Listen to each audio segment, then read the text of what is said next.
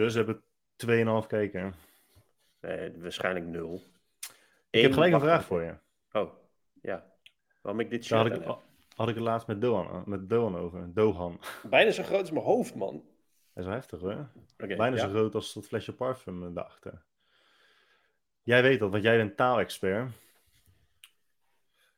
Het is één week, twee weken, drie weken. Hè? Iets is vier weken geleden. Ja. En het is ook één jaar, twee jaren, drie jaar. Maar je zegt niet het is vier jaren geleden. Je zegt het is vier jaar geleden. Bij jaar, bij het jaar, is de cut-off. Dus als je het over maanden hebt, weken, minuten, dan is het altijd meervoud. Maar zowel bij jaren als bij uren. Je zegt niet, ja, ik ga over vier uren vliegen. Daar gebruik je het enkelvoud. Ehm, En ik wil daar Zit direct zit er- het juiste antwoord op. zit even op taaladvies.net. Ehm, ja, er staat alleen wat juist is. Ja. Oh, Oké. Ze is twee jaar jonger dan haar broer. Aan het boek heeft hij tien jaar gewerkt. Ja, en maar maanden de gebruik slak, je wel gewoon de het slak legt zo'n 5 meter per uur af. 75 met- ja. gram suiker. Ja, waarom is dat? Waar- ik snap niet waarom het soms enkelvoud is en soms meervoud. Is weer zo'n Eh, Hollandse regel die dan gewoon een regel is omdat het een regel is. Even kijken. Als de nadruk ligt op de tijdsduur of op de afzonderlijke eenheden, kunnen de zelfstandige naamwoorden ook in het meervoud staan. Twaalf jaren gingen voorbij. Voor hij eindelijk Maar zijn niemand dochter- zegt dat. Als iemand dat zegt, dan denk je, wat ben je voor psychopaat? Nou, dat is- staat dus hier van als de nadruk ligt op de tijdsduur. Dus als je wil aangeven van, joh, dat is echt fucking lang. Dus twaalf jaren gingen voorbij voordat hij zijn dochter zag. Als er een bijvoeglijk naamwoord volgt op het getal, staat het zelfstandig naamwoord altijd in het meervoud. Ze hadden twee fijne uren met elkaar doorgebracht. Ja, dat duurt echt vier fucking jaar voordat je het krijgt. Nee, hè? Nou ja. Ik weet het niet, man. Niemand, niemand praat zo. Terwijl in het Engels is het wel altijd heel duidelijk enkelvoud of meervoud. Ook als zij het hebben over een bril bijvoorbeeld. Of trousers in plaats van trouser. Wij zeggen Ja. gewoon broek en bril. Maar ehm, ja, ik weet niet. Nou, dat Hier staat ook, ze wilde zeven hele kilo's kwijtraken. Iemand wil zeven hele overtollige kilo kwijtraken. Ik wil zeven kilo afvallen. Ik wil zeven overtollige kilo's afvallen. Nou, ik weet het niet Ja, meer. precies. Maar dan, dan gebruik je wel echt een extra woord om het te benadrukken. Ja. Dus dus de- dus de-? Dus de vier kijkers die we al hadden, die, die zijn nu ook zo- sowieso weg. Die zijn, nu, die zijn nu gehalveerd. Ja. Nou, welkom bij ehm Penen Nou FM. Seizoen 2, aflevering 2. Seizoen 2, ja. Het is seizoen 2, ja. Bijna niet Ja. doorgegaan, omdat jij toch eh, nogal ziek bent geworden van, ehm, van het trekken van je verstandskiezer. Ja, het is mysterieus. Ik had eh, last van mijn... Ik had mijn verstandskiezer getrokken. Dat is inmiddels al meer dan... Want de vorige keer hadden we het erover, toch? Ja. Ja, dat deed eh, een beetje zeer. Ah, Na de hand ook. En toen werd ik verkouden. Maar er was ook een enorme hooikoorts eh, eh, pandemie. Dus eh, ja, het is nog een beetje de vraag waar ik precies last van had. Maar ik had in ieder geval last van... En dat is nog wel een beetje. Van een, een vol, vol gezicht. En hoofdpijn en heel van, dat, van die pijnlijke hoesten en zo. En eh, gewoon, het was gewoon allemaal kut. En nu is het bijna over. En nu heb ik Jenny aangestoken. En die, die heeft gewoon precies hetzelfde. Gewoon eh, maar plus vijf dagen. Ben jij inmiddels Dus- gevaccineerd? Nee, ik- 23 juni heb ik mijn eh, afspraak. Ik wil net zeggen, Dus, misschien ben je, misschien ben je wel ziek aan het worden van je vaccin. Van, het, va- van, Ja. van je vaccinatie. Ja, Want je weet het nooit, jongen. Je weet, je weet niet wat ze erin stoppen. Dus je weet nooit Nee. wat je over zes maanden hebt. Of over drie jaar. Ik, vind, ik vond het grappig dat er zijn nu mensen die vinden eh, ehm, dat je je niet moet vaccineren, omdat je je lichaam dan verzwakt. En eh, ja, dat is niet goed. Ah, Ja, ik snap dat argument nooit. Van oké, maar een vaccin is toch juist een verzwakte versie van datgene wat je eventueel dood kan, kan, kan maken. Dus dan, en dan, zodat je lichaam antistoffen aanmaakt, zodat je er nooit meer last van hebt. Maar dus je moet je, niet vaccineren, maar daarmee loop je dus wel de kans dat je uiteindelijk die ziekte krijgt en sterft. Ik begrijp nooit de redenatie. Ja, ja, nou ja, dit, voor mij is de redenatie. En ik zeg ook helemaal niet dat die klopt, maar ik probeer mee te denken in wat zij bedoelen. is, eh, het standpunt is, joh, je, kan, je kunt beter het risico lopen. En, maar als je het dan krijgt, dan zorgt je lichaam er zelf voor dat het sterk genoeg wordt om zonder externe factoren uh, het virus te kunnen overwinnen. Ik vind, ik vind vaccins zoiets. Ik word daar gewoon heel gelukkig van. Dat je een soort van. Dan, dan, er zijn wel meer dingen, maar dan denk je echt van, joh, als, als mens zijn we toch echt wel iets, tot iets in staat om iets te fixen met z'n allen of zo. Ja, maar het, het, het, het, is, het is inmiddels zo duidelijk dat het niet uitmaakt hoe ver, hoe ver wij ons ontwikkelen, hoeveel wij ons ontwikkelen, hoe, extreem wij moderniseren. Er blijven altijd mensen, en die zijn daar heel selectief in overigens, die in bepaalde dingen de vooruitgang willen uh, belemmeren of daar niet in mee willen gaan. We hebben het heel vaak over gehad als het over, over fitness en voeding ging, toch? Dat toen heel de evidence-based stroming ontstond, dat je mensen had die gewoon heel selectief waren in het, in, het, in het ontkennen van bepaalde wetenschap. Terwijl wetenschap gewoon een gigantisch onderdeel is van hun alledaagse bestaan. Maar dat, dat, dat, dat specifieke stuk dan weigeren. En dat zie je nu ook met, met Ehm, het corona of het COVID-vaccin, dat als iemand in het ziekenhuis belandt, dan accepteren ze elke vorm van uh, geneeskunde. Maar wat het vaccin betreft, daar zijn ze dan heel uh, sceptisch over. Alsof ze opeens daar meer kennis over hebben dan over al het andere. Omdat ze zeven keer iets in Google hebben ingeteamd. Wil je het hebben over die mooie video van die uh, Wilma die we hebben gezien? Ja, het, lijkt, het leek bijna cabaret, man. Heftig, hè? Maar het, ik, ik hoor het, ik heb nu drie keer gehoord dat. Ehm, en natuurlijk, het zijn dit uitzonderingen, die worden uitvergroot. En eigenlijk moeten we geen aandacht aan geven. Maar het is gewoon vooral heel grappig. Dat, dat er, er een groep mensen is die gelooft dat als je. Dat je niet in de buurt moet komen van gevaccineerde mensen, omdat gevaccineerde mensen je. Ja, wat gebeurt er dan? Als je in de buurt komt van gevaccineerde mensen, dan word je ziek en dan. Uh, krijg je hoofdpijn en zo. En moet je overgeven. Ik liet, ik liet de video aan Wen zien en, ik zag in haar gezicht uh, vooral onbegrip. Maar dat komt omdat zij dacht dat de dame in kwestie uh, het verkeerd zei. Ze dacht dat zij geïnfecteerde mensen bedoelde en niet gevaccineerde mensen. Maar ze bedoelt gewoon echt gevaccineerde mensen. Inderdaad, omdat dat wat je ingespoten krijgt is gewoon uh, schadelijk voor je omgeving. En ze heeft ook echt erbij vermeld dat als je dus van plan bent om te gaan zwemmen in de nabije toekomst, dat je, dat je er wel rekening mee moet houden dat er heel veel gevaccineerde mensen in dat water liggen. En dat, ja, dat wat zij dus geïnjecteerd hebben gekregen in het water zit. En jou daar ook mee uh, kunnen besmetten. Maar er is natuurlijk wel altijd een oplossing. En dat is het mooie aan die hele stroming um, van tussen aanhalingstekens geneeskunde er is altijd een oplossing. En dat is, s ochtends vroeg 20 druppeltjes zilverwater. Als je van plan bent om te gaan zwemmen, zouden ze dat wel verhogen naar 40 of 60 druppeltjes zilverwater. En natuurlijk 1000 milligram vitamine C. Niet te veel vitamine C, want als je te veel vitamine C neemt, kun je diarree krijgen. Ja, ja het, is wel, het is echt, echt prachtig. Wat is zilverwater trouwens? Ja, Kijk, wij hebben...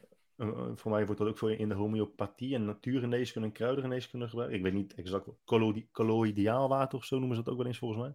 Wat het precies is, ik, ik weet het niet. Uh, maar het is, het is mooi dat je het als advies terug ziet komen op specifieke fora of, of messageboards of, of social media profielen. Maar het is ook gelijk een, een, een geneesmiddel tegen alles. Hè? Als jij zegt, yo, ik heb uh, stadium 4 longkanker dan zeggen ze daar ook gewoon, nou, wat ik zou doen, is ik zou ochtends vroeg 1000 milligram vitamine C nemen. En s'avonds laat ook nog eens 1000 milligram vitamine C. En zilverwater, 20 druppeltjes. Maar het, de overtuiging waarmee ze het ook zegt, is erg. Ja, het is fucking mooi. Is, wel, het is vooral heel grappig. Vitamine C zit toch echt in alles. Als er iets is waar je geen tekort aan krijgt, dan is het volgens mij vitamine C. Het is ja, de, ironie een, uh... is, de ironie is dat heel veel mensen ervan overtuigd zijn dat je dus überhaupt al snel tekorten kunt opbouwen, wat al gewoon echt niet waar is. En dat zeker als je dus heel veel bewerkt voedsel eet, je snel tekorten op zou uh, uh, doen. Maar ook dat is gewoon niet waar. inderdaad, omdat ze overal gewoon vitamines aan toevoegen. Komt echt, het komt echt weinig voor dat mensen uh, structurele tekorten hebben. En we hebben het laatst even kort met Chi over gehad natuurlijk, ook over bijvoorbeeld vitamine D. Dat, is, dat blijft gewoon iets bijzonders. Dat als jij langdurig een vitamine D tekort hebt en daar bepaalde symptomen van krijgt, uh, dan kun je dus wel vitamine D gaan slikken en je bloedwaardes weer naar de goede waardes uh, verhogen. Maar dan verdwijnen de symptomen nog steeds niet. Dus dan, het is dan nog steeds de vraag wat de toegevoegde waarde is van het slikken van bepaalde supplementen. Uh. Je kunt beter geen tekort hebben, dat, dat, dat, dat natuurlijk wel. Maar... Ja. Ja. Ja, het is. Uh... Maar jij hebt dus nog geen afspraak gemaakt. Maar jij bent toch al. Jij komt uit 1976, toch? ik heb toevallig uh, net mijn brief in de bus uh, gekregen. Dat ik Ja. een afspraak kan maken.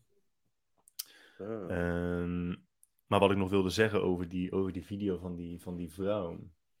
Is. eh, ja, ik, heb, ik heb opgeschreven in het draaiboek eh, Cultuuroorlog en de constante zoektocht naar vijanden. Ik zat toen in een bepaald denkpatroon en nu kan ik natuurlijk niet precies meer terughalen wat ik, wat ik toen dacht. Ehm, maar je, je merkt gewoon, een van, de, een van de ontwikkelingen ook in de samenleving en ook mede door social media, is dat, dat, die, dat, dat, dat eilandjescultuur. Weet je, je krijgt echt constant twee kampen met tegenstanders en aanhangers. En die haten elkaar ook echt heel erg. En die gaan ook niet met elkaar om. We hebben het er vaak over dat je best wel meningsverschillen kunt hebben. Dat zie je dus ook steeds meer verdwijnen. Dat als mensen ergens in geloven of ergens van overtuigd zijn. En iemand anders is dat niet. Dan behoren ze echt gewoon tot een ander soort, lijkt het bijna. En dan kunnen ze ook niet meer samen door één deur. Omdat mensen lijken steeds meer de neiging te hebben allerlei hele kleine randzaken onderdeel te maken van hun identiteit, van hun bestaan. Dat is vreemd. Ik vind. Ja, ik zag, eh, ik zag dat onze vriend eh, Mark Manson op zijn blog een artikel had geschreven met, waarin hij soort van drie of vijf, markmanson.net, ehm eh, je een aantal stellingen over social media ehm, probeert te ontkrachten. Het artikel heet Social media isn't the problem, we are.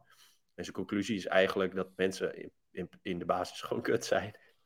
en dat social media eigenlijk ehm, niet, niet het probleem is, maar sommige dingen uitvergroot. Maar dat er ook al voor social media allemaal nepnieuws was en zo. En eh, eh, eh, dat mensen zich eenzamer voelen als ze niet social media gebruiken, dat soort dingen. Is dat, dat zo? het- Maar, maar is, dat, is, dat, is dat omdat ze het bestaan van social media, of omdat ze het, het gevoel en de ervaring van social media al hebben meegemaakt en daardoor dus daarna stellen van ja, ik voel me nu meer eenzaam dan voorheen? Eh, ja, dat weet ik niet precies. Ehm, Want dan, want dan kun je je ook eenzamer voelen omdat je dus social media gewoon mist. En dat is anders dan je eenzamer voelen omdat je gewoon leeft zonder social media en daar ook nooit mee hebt ja, precies. Eh Zo'n goeie. Eh, ja, daar kan ik geen antwoord op geven. Ehm, en twee andere dingen waar we het ook al vaak over hebben gehad. En wat, wat Chi ook vindt, zeg maar. De, de, hij noemt het de 99-1 rule. Dus 90% van de mensen zegt niks online. Is alleen maar lurken. 9% draagt iets bij en 1% creëert iets. En, sa- en samen met, met een ander standpunt dat, eh, dat er wordt geoptima eh, geoptimaliseerd voor controverse in plaats van consensus. Is Hmm. dat gewoon ja, mensen die gewoon heel stellig heel, ja, iets, iets heel specifieks zeggen, die krijgen de meeste aandacht. En eh, de rest van de mensen die eh, ja, gewoon chille, chille bazen zijn, ja, die zeggen eigenlijk niks. Die consumeren gewoon een beetje en voor de rest houden ze hun bek online. Waardoor het dus lijkt alsof, het, alsof de wereld super extreem en gepolariseerd is. Maar dat ja, valt wel mee eigenlijk. Ja, ik zag, ik zag laatst ook die TED-talk over fake news. Heb je die wel eens gezien? Dat is al Nee. een beetje oud volgens mij. Maar dat is een, eh, een, een gozer die dus ook wel onderzoek heeft gedaan naar de hoeveelheid fake news en waarom fake news eh, het beter doet dan eh, waar gebeurt nieuws. En hoeveel beter fake news het daadwerkelijk doet als het gaat om engagement. En die, die aantallen, die verschillen zijn ook echt bizar. Die zijn zo bizar groot. En hij zei, hij zei dus al jaren geleden van ja, dit is echt iets waar we voor uit moeten kijken. Ehm, bijvoorbeeld een aantal jaren geleden had, volgens mij hadden eh, hackers van ISIS of zo, of Chinese hackers of Russische, ik weet het niet, die hadden dus fake news op Twitter verspreid dat Obama toen in het ziekenhuis lag of zo. Dat was hij met Obama gebeurd of die was, die was overleden. Nou, dat ging viral natuurlijk op Twitter binnen een fractie van een seconde. En dat gewoon heel de aandelenmarkt ook instortte daardoor. Mensen reageren zo heftig op fake news. En dat komt overeen met waar we het laatst over hadden met Chi ook over complotdenken. Dat het ontstaat ook vanuit de behoefte om uniek te zijn.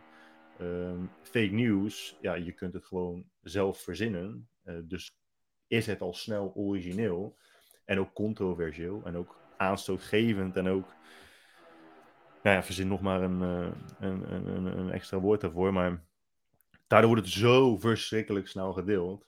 En uh, je, je moet die TED ook eens kijken. Dat is, dat is echt wel. Uh, ja, in, in dat artikel van mensen staat dat hij uh, zegt hij van ja, vroeger werd natuurlijk ook gewoon in kranten geschreven dat weet ik veel presidentskandidaten in Amerika. Ja, gewoon, dat er gewoon, werd er gewoon bullshit geschreven. Want ja, dat was ook veel makkelijker, want je kon dat niet echt controleren. En als die krant eenmaal geprint was, dan.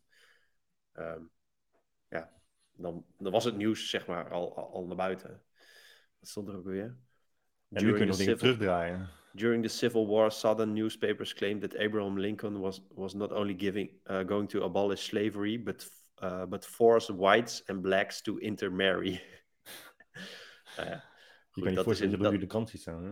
In 1790 is dat. Um, maar ja, dat is, gewoon, dat is eigenlijk exact hetzelfde als, als van die bullshit fake news uh, websites die, die best wel vaak gedeeld worden. Um, ik ben niet met alles eens over wat hij schrijft. hij zegt ook van ja, maar social media doet echt hard hun best om uh, fake news tegen te gaan. Zoals Facebook en Twitter en zo. Hoeveel mensen zij in dienst hebben om, om uh, alles, of niet per se te controleren, maar wel moeilijk te maken om uh, troep te delen. Hmm. Ja, ja ik, ik, ik weet niet.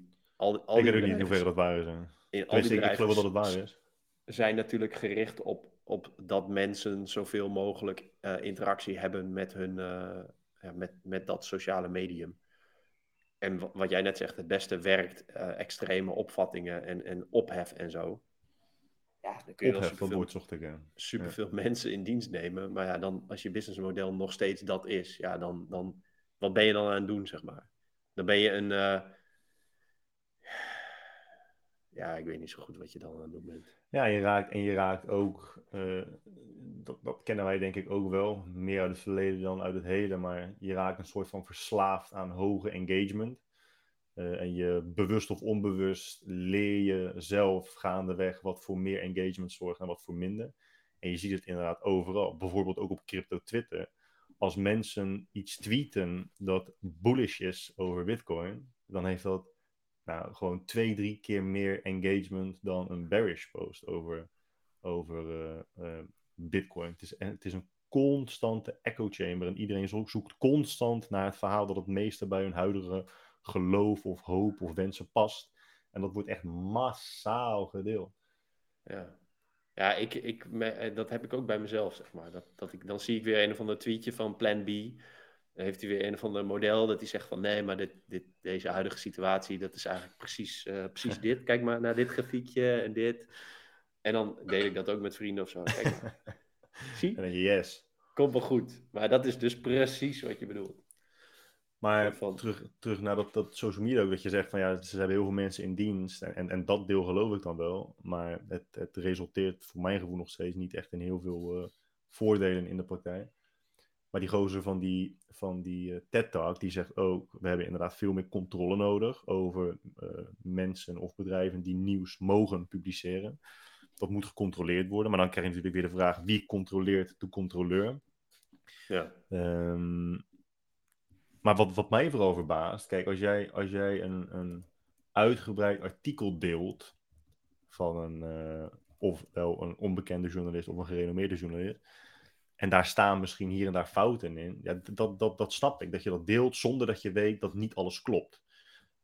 Maar wat je op social media ziet, is echt gewoon, voor mij hebben we het daar vorige keer ook over gehad, dat, dat het gaat dan over echt hele, hele gecompliceerde situaties. Bijvoorbeeld onrust in het Midden-Oosten. En dan plaatsen mensen een video van echt 14 seconden met een camera uit 1942, met geluid dat gewoon niet te verstaan is. En dan worden dan ondertitels, ondertitels aan toegevoegd. En dan wordt er boven geplaatst van kijk, dit is de waarheid. Of dit legt heel de situatie uit in één minuut. Hoe...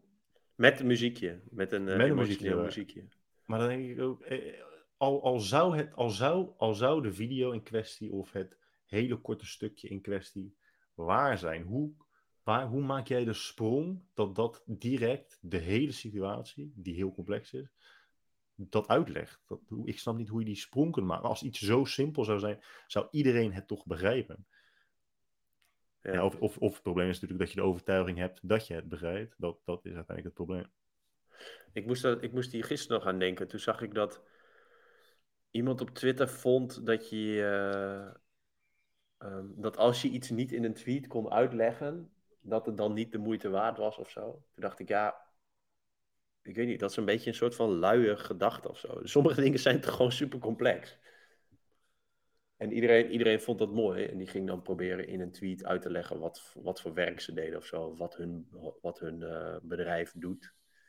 dacht ik, ja, ik weet niet. Het, het wordt een soort van geëist. Volgens mij noemt hij Albert Ellis dat. Dat masturbation. Dat alles, dat alles makkelijk moet zijn. Juist, dat Dat is je- het. Ja. Dat je, ehm, ja, dat, je, dat je gewoon eist van je omgeving dat je, dat je gewoon dat iets simpel is. Zo van, joh, leg, leg even uit in, in nul seconden wat je bedoelt, zodat ik verder kan met mijn leven, maar wel denk dat ik, dat ik dit snap. Ja, en, en, dat, en dat is het precies. Er moet, er moet inderdaad onderscheid gemaakt worden tussen, oké, alles zou uitgelegd moeten kunnen worden in een tweet. Nou, dat kan natuurlijk gewoon echt niet. Ehm, en de, de, de eisen die mensen stellen over de duur van jouw uitleg. Mensen willen gewoon dat jij het heel kort uitlegt, want alles, anders willen ze het gewoon niet weten. En dat is dus ook hoe heel de headline cultuur is ontstaan. Dat als mensen een heel artikel moeten lezen, dan willen ze het gewoon niet. Dus ze verlangen van jou dat jij het in een regel uitlegt. En wat je dan echt precies goed zegt, inderdaad, dat ze dan het gevoel hebben het te begrijpen. Op basis van drie regels. En Dat- dan, is- kunnen ze, en dan kunnen ze zeggen tegen andere mensen dat andere mensen zelf onderzoek moeten doen. Dat blijft te mooi, hè? Do your own research. Ja, ik vind dat wel. Het is zo. Het is zo kut dat. Ik vind ook altijd van ja, maar doe, doe eventjes. Volgens mij zei ik dat gisteren tegen jou in een voicebericht. Het, ik vind ook van, joh, doe even je best om, om eh, te proberen het engagement te hebben met wat je wil snappen, zeg maar. Ga, ga op zoek naar een soort van te- eh, tegenstrijdige berichten erover. Of probeer iets, een opvatting te, te formuleren. Neem de tijd. Aan de andere kant zegt nu ook iedereen tegen elkaar: doe je eigen onderzoek. En waarschijnlijk bedoelen ze hetzelfde, maar ja, de meeste mensen zijn dan gewoon even acht seconden aan het googlen en denken dan: oh, ik heb onderzoek gedaan. Ik heb gewoon de eerste, ehm eerste drieënhalve link aangeklikt. Dus ja, dat is, dat is een beetje kut. Ja, maar hoe komt dat ook? Hoe, hoe, hoe komt die verschuiving van... Oké, ik weet dat als jij ergens een expert in wilt worden, als je iets echt wil begrijpen, dan moet je daar echt lang voor studeren. Godverdomme, als je fucking... Als je, als je bij een administratiekantoor wilt gaan werken, dan moet je al een opleiding doen van vier jaar. We weten gewoon vanaf jonge leeftijd al dat je iets echt wilt snappen of iets goed wilt kunnen, dat je daar gewoon heel veel tijd voor nodig hebt. En dan over de jaren heen, zeg maar, als je richting de, nou ja, wat is het, 25, 28, 30 gaat, dan merk je gewoon dat, dat er steeds meer mensen om je heen zijn die ervan overtuigd zijn dat ze dingen die veel complexer zijn dan dingen die je leert op school, heel snel kunt begrijpen. En ook je heel snel eigen kunt maken en, en er alles over kunt verkondigen. En ik denk dat, want er zullen ongetwijfeld luisteraars zijn die denken, ja oké, maar hoe zijn jullie daar dan anders in? Nou ja, als wij een, een euro zouden krijgen elke keer als wij tijdens deze podcast zouden zeggen, of hebben gezegd, ehm, dat we graag een keertje zouden willen hebben dat iemand ons een mail stuurt of aan wilt schuiven bij ons om ons uit te leggen hoe iets werkt, dat we dat dan echt fucking top zouden vinden.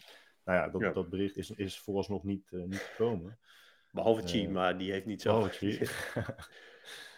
Maar ja, maar het, het is, wij, wij hebben ook onderwerpen waar we het al jaren over hebben. En het wordt er gewoon echt niet makkelijker om. Het wordt er echt niet makkelijker om. Eh, nee, ja, ik heb dus zelf met, eh, met vliegtuigjes. Ik vind dat super interessant en ik denk dat ik er meer dan gemiddeld over weet. Alleen, ik, ja, ik weet wel, ik weet echt de, de blogs die ik lees en forums en zo, iedere keer kom ik erachter, denk van Jezus, iedereen weet zoveel, snapt zoveel beter alle soort van subgedeeltes van dit onderwerp, van, van vliegen. Ja, daar kun, je, daar kun je echt nauwelijks iets over zeggen. En dan lees je weer een, een NOS-artikel dan denk ik, ja, ja dit, dit slaat nergens op, zeg maar. Dit slaat, dit, gewoon dit hele artikel slaat nergens op. De insteek is fout, de uitleg is fout. Feitelijk, het zijn, de, feitelijk klopt het ook niet. Ehm, en mensen worden hier dommer door. Dus dat is, uh, ja, dat is best dit, is, uh, dit is ook wel weer een beperking door taal. Want als jij gewoon een gesprek hebt met iemand en iemand zegt tegen jou: Ik heb hier interesse in, dan associeer, associeer jij dat woord interesse met allerlei gedragingen in de praktijk. En je doet aannames over hoeveel tijd iemand spendeert aan dat onderwerp waar hij of zij interesse in heeft, omdat je dat gewoon vergelijkt met jezelf. Um, en daarin ligt dan denk ik de fout bij, bij jou in dit geval, of bij mij. Um, dat je ook gewoon niet de aanname moet of mag doen dat als iemand het over interesses heeft, dat die interesses net zo ver gaan of net zo diep gaan als wij dat soms hebben. Ja, dus of, moet je. Ja, ja want, hoe zou je het anders moeten noemen? Hoe zou je het anders. Uh, want ja, het is duidelijk dat jouw interesse in vliegtuigen anders is, dieper gaat, dan iemand die gewoon zegt: Ja, ik heb hier interesse in. En die zit daar even een middagje een aantal blogposts over te lezen. En houdt het dan wel voor gezien. Je noemt het ja, maar er is ook nog een verschil tussen Guy de Roog en Jelme de Boer, die interesse hebben in, weet ik veel, probability. En Nassim Taleb, die er vijf boeken over schrijft, toch? Ja, precies. precies. Dus, en die hebben allebei interesse in, in, in dezelfde dingen. Dus dan, ja, dat is, dat is ook wel. Kijk, er zijn ook heel veel mensen die interesse hebben in crypto. En dat, dat gaat ook van, van Jack Mallers, die fucking bedrijf maakt, die, die uh, nu de hele tijd contact heeft, heeft met allemaal belangrijke mensen op overheidsniveau. En ja, een of andere Sjoerd uit uh, Geldermalsen, die uh, een Coinbase-app heeft op zijn telefoon. Die hebben allebei interesse in crypto. Ja. En sterker nog, misschien dat ze ook wel allebei evenveel uur per dag eraan besteden. Maar de, de, de tijdsbesteding, of de, de, uh, de inhoud van die tijdsbesteding is natuurlijk anders. Maar weet je wat dat kut is ook? en ik moet daarom lachen, omdat je dan Sjoerd uit Middel, wat zijn nou, Gelderwalde? Geldermalsen, ja. Geldermalsen. ik weet ook niet waar dat ligt, maar het zal waarschijnlijk in het oosten van het land liggen. Het is grappig dat, en dat is onderdeel van die cultuuroorlog, of, of, of onderdeel van het altijd maar zoeken naar nieuwe vijanden. Mensen kunnen het ook gewoon niet meer goed doen. Hè? Als jij dus bijvoorbeeld crypto als interesse hebt of hobby hebt, en je wilt het dus graag over crypto hebben, je merkt gewoon, en daar hebben we het ook over gehad, dat als iemand dan over crypto begint, en je merkt al dat het iemand is die dat bijvoorbeeld net een weekje doet, dat zou helemaal niet erg moeten zijn. Maar dan vind je dat bij voorbaat soms wel irritant. Dat je denkt, oh, heb je, heb je er weer een hoor. Terwijl je zou moeten denken, ja, dit is leuk. En dit zou je moeten, je zou deze persoon moeten enthousiasmeren over dat hij nu net aan het begin staat van zijn crypto-avontuur. En je hmm. moet hem daarmee helpen en motiveren. Maar het zit ook nu, en dat is voor mij ook redelijk nieuw, dat je zolang, zodra iemand, zolang iemand niet echt goed kan levelen met jou over het onderwerp waar het om gaat, dat je het dan al gewoon een soort van irritant vindt. En dat heeft ook te maken met, die, met, de, met, met, met de cultuuroorlog, met de, met de ja, wat ik zei, met het, met het zoeken naar, naar vijanden, onbewust. Alles ja, moet perfect maar dat is wel... aansluiten op je eigen bestaan. Uh, ja, maar dat is, als, als ik naar mezelf kijk, is dat wel, dat is wel een fout van, van mij. Ja, dat, dat, dat, dat zeg ik ook over mezelf. Dat is absoluut waar. Want dus er is ook een dus- heel raar verschil tussen iemand die naar de sportschool komt en mij als personal trainer uh, aanspreekt en hulp nodig heeft. Niet eens om hulp vraagt, maar dat je weet gewoon, oké, deze persoon die, wil, die, die heeft hulp nodig. Dan geef je die met alle liefde. Maar als je dan gewoon in een huiskamer zit met mensen en je hebt het over fitness en iemand zegt, oh ja, ik uh, ga ook uh, sinds kort drie weken naar de sportschool. ik benchpress nu 40, 50 kilo. Ik wil graag naar 100 kilo. Dat je denkt, oh, heb je er weer Heb je Ja. Ja, dat het is, geen, Het is geen goede eigenschap. Het is geen goede eigenschap. Um, nee, maar, ja, maar dat, dat is toch ook heel vaak zo? Ik bedoel, zodra je een, een, een hoe heet dat? Een, eh, hoe heet het als mensen een outfitje van de winkel aan hebben? Hoe heet dat? Daar is een, daar is een woord voor. Ik heb echt geen idee. Godverdomme, misschien mensen Als in de me- chat. Als mensen een outfitje aan hebben van de winkel. Ja, dat is, daar is een naam voor. Dat als je bij een bedrijf werkt, dat je dan de kleren van dat bedrijf aan hebt. Godver. Nou. Werknemer. Eh, nee. Oh, er kijken ook helemaal geen mensen meer. Volgens mij kijken er nu drie mensen, vier mensen. Oh nee, best wel veel. Eh 600 mensen kijken. Nou ja, maakt ook geen, eh, maar moet ook gereed. Alleen dat is het verschil. Als mensen jou in de gym zien en jij hebt een, je hebt een trainingspak aan, ja, dan, dan gaat niet Karel, de broer van Stuart, uit eh Lutje Gast, die gaat dan niet eh, per se heel tof doen. Terwijl op een verjaardag, als jij gewoon je, je bordeelsluipers aan hebt en, eh, en een polo, ja, dan is het wel makkelijker om tof te doen. Zo, zo was ik laatst ook met iemand. En dan denk ik van ja, kijk, ik, ik heb niet per se superveel verstand van voeding en voedingsgedrag en training. Maar ik heb wel heel lang bij bijvoorbeeld Personal Body Plan gewerkt. En, en, en echt op, op hele grote schaal allerlei cases voorbij zien komen. En die data geanalyseerd, zeg maar. Dus ik, ik weet wel best wel goed wat werkt. Plus ik ben eh, ja, daar al 15 jaar mee bezig. En dan gaat zo iemand die dan eh, ja, daar eigenlijk geen reet van weet, een soort van een discussie met mij aan. En dan moeten we maar net doen alsof ons beide meningen hetzelfde waard zijn en dat we ergens in het midden uit moeten komen. Ja, melk Maar- is super ongezond. Ja, gewoon zo. Rot Ja, oké. een keer op. Ja, er zijn gewoon een aantal. Hè? Wat? In principe ging opeens, mijn, eh, ging opeens muziek aan op mijn eh, AirPods. Uniform, zegt iemand in de chat. Ja, dat bedoel ik dus. Als jij een uniform aan hebt, dan. Oh, dan bedoel je letterlijk? zich- Ik dacht dat, Ja. dat, dat, dat, dat er een naam is voor een mens die dat doet. Ja, nee. Maar ja, gewoon- Ik, ik heb dus een keer dat ik, dat ik in, de, in de action was. En er liep iemand met een uniformpje van de Dirk van der Broek. En ik loop dan naar die persoon toe van, joh, waar, waar liggen de, weet ik veel, muizenvallen?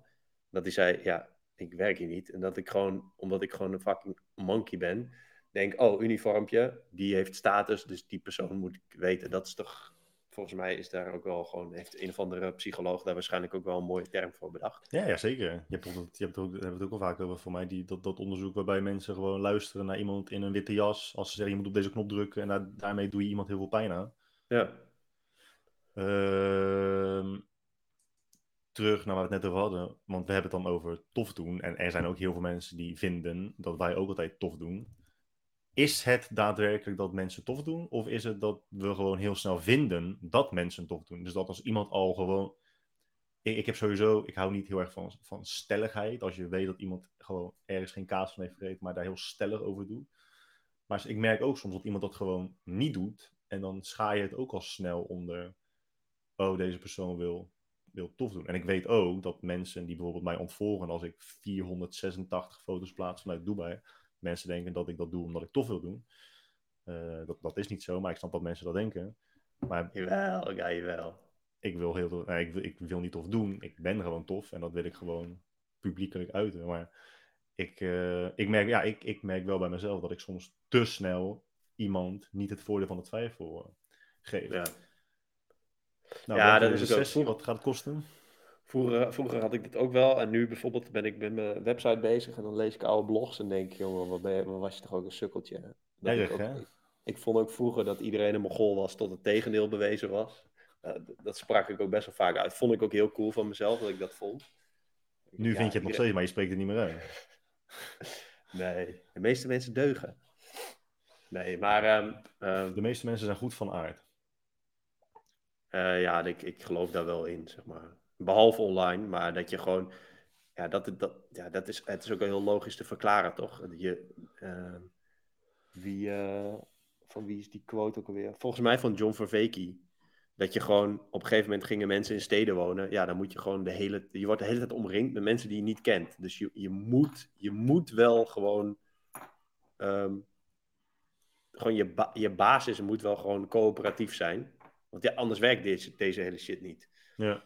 Een soort van, je kunt niet, ik kan niet nu hier op de gang in mijn flat, als ik een onbekende zie, op zijn bek slaan. Maar, ze- Eh, bij- maar ben je niet benieuwd hoe het zou zijn als je dat bijvoorbeeld een week lang zou kunnen doen? Wat zeg Dan je? wel. Die kan je een doodje geven.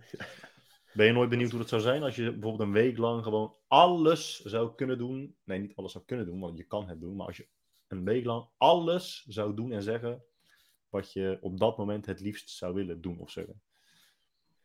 Ja, weet, ja, weet ik niet, man. Dat, het is zo raar om voor te stellen. Want wat zou je dan, wat zou je dan anders doen? Zonder consequenties. Een week Nee, nee, met, nee, met de consequenties ook. De, de consequenties horen er wel gewoon bij. Ja, precies. Dus als maar jij- dan, is, dus dan jij gebeurt er dus niks. Dus als jij bijvoorbeeld in. eh, ja, er gebeurt er wel iets. Als jij bijvoorbeeld in een tram zit en iemand eet dus een groene appel en die heeft van die grote knagediertanden. En je ziet, dat, je ziet die tanden die appel ingaan en het, het maakt veel te veel geluid dat je denkt, in principe hoef je niet met zoveel decibel een appel te eten. En dat je gewoon zegt, zal ik even die appel dwars door je strot heen rammen en je uit deze tram flikkeren. Ik ben heel erg benieuwd hoe dat zou, eh, zou zijn. Ik zou het nooit willen, want het is waarschijnlijk een beetje sociopathisch gedrag. Ja. Maar ik ben benieuwd hoe het leven. Aan de andere kant, je zou, je zou een zaak kunnen maken voor waarom iemand gewoon zoveel herrie moet maken eh, tijdens het eten in het openbaar vervoer. Of als, dat is ook zo raar, weet je, dan, dan lig je dus in Dubai bij het hotel en dan hebben ze gewoon al muziek bij het zwembad. Maar dan zijn er altijd van die mensen die dan het idee hebben van oké, als ik nu mijn speakertje, als ik nu mijn Bluetooth speakertje aanzet met mijn eigen muziek, dan is dat gewoon oké. Dat is niet oké. Dat is gewoon, ik, en ik snap ook niet hoe je, hoe je erop komt dat dat oké is. En dan ook nog te hard. En dan denk ik, waarom, waarom denk jij dat iedereen jouw muziek wilt horen, dat nu door, het muziek, eh, door de muziek van het hotel afspeelt? Waarom, waarom denk je dat dit oké is? Ik denk, ik denk hier heel vaak over na, want ik, ik heb dus het idee dat het vaker gebeurt. Hiervoor bij mijn huis heb je ook een grasveldje. Trouwens, je moet even de chat kijken, want volgens mij heeft Pieter even een, eh, een bijdrage aan, geleverd aan dit gesprek. Eh, maar eh, ehm, het lijkt mij echt vet tof om een zesdelige eh, VPRO, VPRO documentaire serie te maken van een uur lang. Waarin alleen maar deze vraag wordt gesteld en geprobeerd te beantwoorden. Waarom, wat, waarom doen mensen shit op speakerphone? Waarom denken ze dat dat normaal is? En ik, ik, ja, mijn hypothese is dat mensen gewoon niet doorhebben dat dat lomp is. Want jij zegt van ja, het, het is super lomp, maar ik denk niet dat die mensen dat, de- dat denken. Die denken niet, oh, het is super lomp, maar boeien. Nou, ik denk dat sowieso heel veel mensen eh, geen klasse hebben, geen, eh, geen empathisch vermogen. En gewoon denken, ja, maar ik wil dit. En ik vind, Ja. ja, ik, ik wil dit. En waarom zou dat dan niet, niet eh, moeten kunnen? En die hebben ook Ja, maar ik denk, ik denk niet dat die mensen daarover nadenken. Dat Hier is die, Pieter, Levels IO.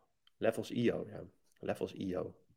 Levels.io. Ik zit, Pieter heeft dus meer dan 100.000 eh, ehm, eh, volgers op Twitter. En ik, volgens mij heb ik dit al een keer in de podcast verteld. Ik zat een keer in een draadje van hem omdat hij iets postte over dat hij post-its gebruikt voor zijn to-do. En ik deed dat, dat het ook en ik heb dat van hem. En ik zat toen in die hotelkamer in Bangkok en toen schreef ik dat op op de, op de ruit. En dan postte hij dat van, yo, dit is mijn to-do-lijst. En zo, zo werk ik. En, en ik zit dus in, die, in dat Twitter-draadje, dus ik krijg ook al die reacties. Maar gewoon alles wat hij post, is er altijd wel een of andere CP die dan zegt, hey, eh, je moet deze software gebruiken. Hey, eh, misschien kun je dit beter doen. Hey, heb je hier al aan gedacht? Eh, of, eh, hey, eh loser, je gebruikt superveel energie. je maakt de planeet kapot. Gewoon echt wat je kunt bedenken, dat zit, dat zit in die antwoorden. Maar in, de, in, de, in de basis, ik, ik lees nu inderdaad wat hij zegt. In de basis eh, maakt het niet uit hoeveel volgers iemand heeft. Eh, dat, dat he- heeft in de basis geen invloed op de waarheid van zijn uitspraak, van zijn advies. Iemand met Nee. 10 Twitter-volgers kan daadwerkelijk jou van advies voorzien, terwijl jij 500 miljard volgers hebt. Maar toch vind je het gewoon irritant, omdat je direct de wellicht terechte aanname doet, dat als de persoon in kwestie daadwerkelijk wist waar hij het over had, meer dan 30 eh, volgers zou hebben. Ja, maar dit, dit is een beetje het skin in the game ding. Ik, bedoel, ik, ik vind dat heel moeilijk. Ik, ik, zit een beetje, ik ga een beetje back and forth tussen mensen die kast zijn, die, die, die advies geven in de gym. En ja, mensen die dat niet zijn en die advies geven, zeg maar. Wie, wie geloof je eerder? Ja, ik, geloof, ik ga toch wel eh, sneller naar diegene die kast is. In plaats van iemand met een pens. Ja, lo- Terwijl- ja logisch. Maar je hebt ook heel, eh, voetbalcoaches. eh nee, de coach is natuurlijk anders, dat is meer strategie. Ehm, maar je hebt, je hebt ook trainers die wel weten hoe je moet trainen, maar zelf eh, ehm, ja, gewoon een leuk welvaartsbuikje hebben. Dus dat is, een, dat is een beetje lastig. Maar ik ben het wel met Pieter eens dat hij zegt van ja, hou, hou gewoon je bek met je, met je Twitter-strategie tegen mij. Ja, ja dat, daar ben ik ook mee. En dat snap ik ook. Maar ik vind het dus van mezelf geen goede eigenschap dat ik dat ook, uh, dat ik ook zo ben. Kijk, je kan ook niet tegelijkertijd al het advies van iedereen serieus nemen. Want daar komt dan gewoon geen einde aan.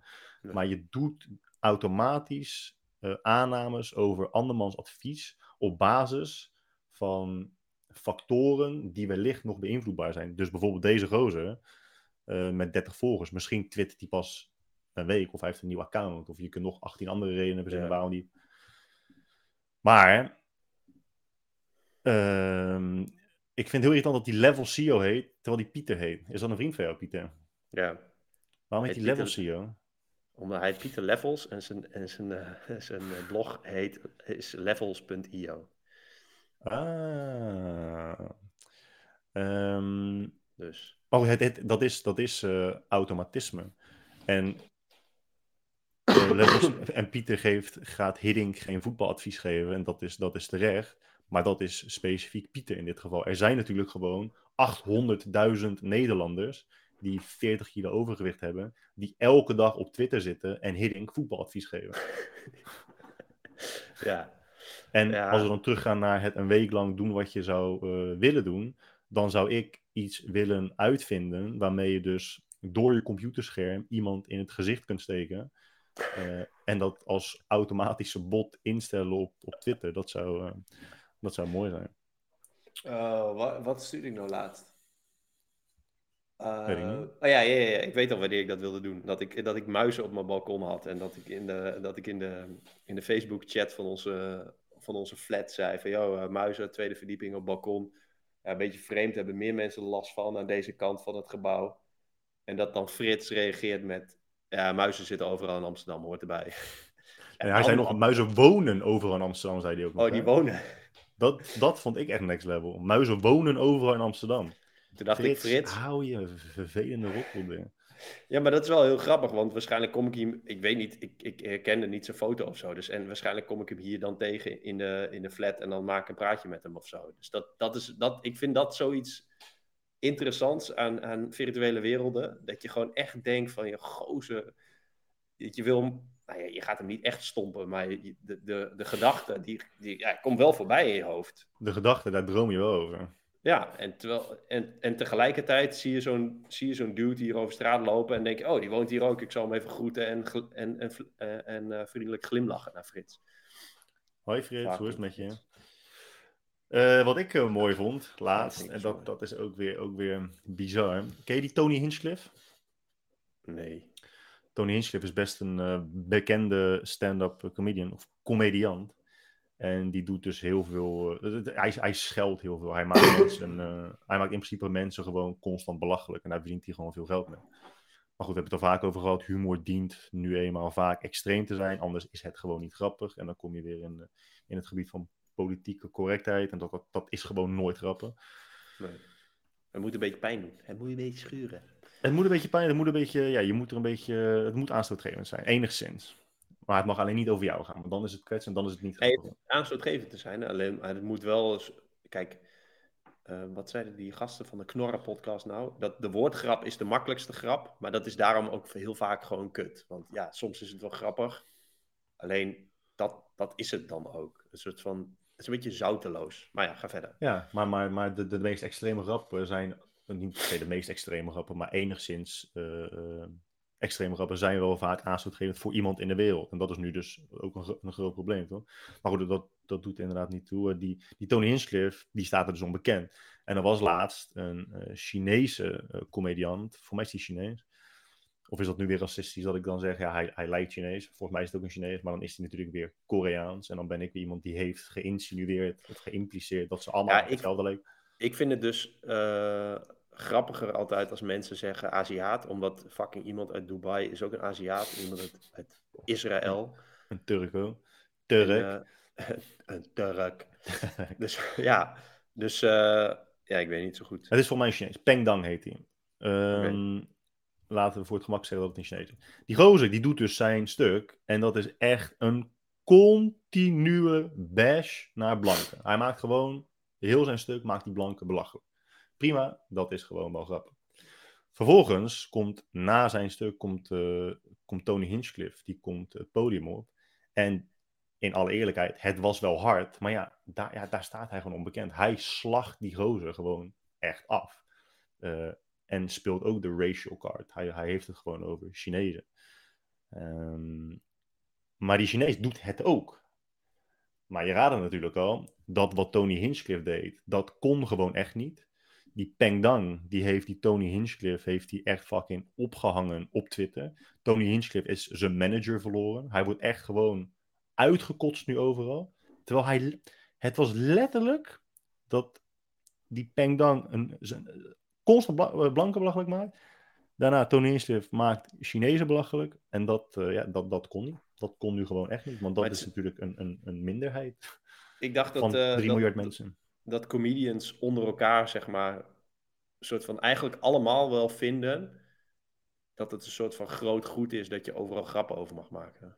Ja, ik heb het stuk niet gezien, maar... Uh, nee, ja, dat, ja, dat, dat is ook... Uh, maar ja, schijnbaar, schijnbaar kan het nu dat um, uh, Stop Asian Hate een trending item is, kan het nu dus eventjes niet. En over een maand kan dat dan wel weer. Maar nu kon dat gewoon echt niet.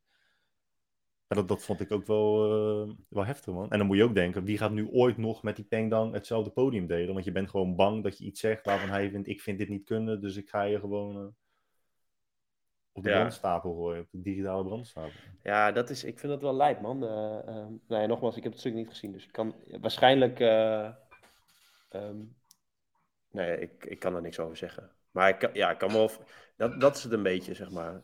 Va vaak zijn dat soort grappen over race. Is, is gewoon een beetje. Ja. Het zijn gewoon slechte grappen, zeg maar. Het is gewoon niet grappig en simpel of zo. Vind ik. Ja, maar, ja, maar ja, ja, dat eens. En dan, dan heb je het natuurlijk wel gewoon over, over, uh, over individuele voorkeur en smaak. Maar het is gewoon heel vreemd dat, dat dat ook gewoon geaccepteerd werd. Dat er verder weinig ophef over was. Dat een Chinees mag gewoon zijn hele stuk lang blanke afmaken. Maar een blanke mag direct daarna niet te hard naar Chinezen toe zijn. Ja. Het ding had er ook over gepost trouwens. Hoe heet die ook alweer? Die, uh, die Tooney of zo op, uh, op Instagram. Oh ja, Joey, Joey B. Tunes. Ja, ja, ja, ja. Dat is een grappig account. Ja, ja. Hij had daar ook iets over, uh, over gezegd. Ik vind het, ik moet altijd zo lachen, die gozer. Ja. ja zijn, zijn carrière kunnen ook wel, is ook wel iets dat wij kunnen ambiëren. Ik uh, zit een beetje mee te schrijven trouwens. Om, om eventueel show notes te maken, om die te sturen via, via uh, de nieuwsbrief. De nieuwsbrief die me, waarvoor mensen zich kunnen aanmelden op pnau.nl. Waarvoor echt knetter weinig mensen zich nu hebben aangemeld. Maar uh, ja, er staan al best wel wat dingen in die we erin uh, kunnen toevoegen. Dus als ja. je die zou willen, ga naar pnau.nl. En dan krijg je achtergrondartikelen.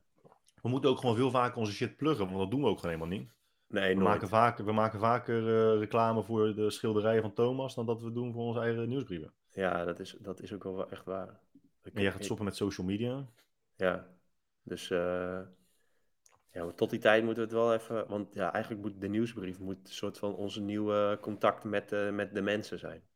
Ik, um, um, ah shit, ik had net een mooi bruggetje. Ah, nu weet ik het niet meer. hey, vertel eens even over Qatar Airways. Daar heb je het nog helemaal niet over gehad.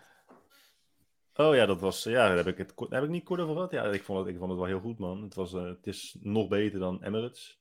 Waarom weet ik niet precies. Ik denk gewoon dat Business Emirates ja, is gruwelijk. Maar Business Qatar is net iets beter. Maar dat komt alleen maar omdat je zo'n Q-suite had.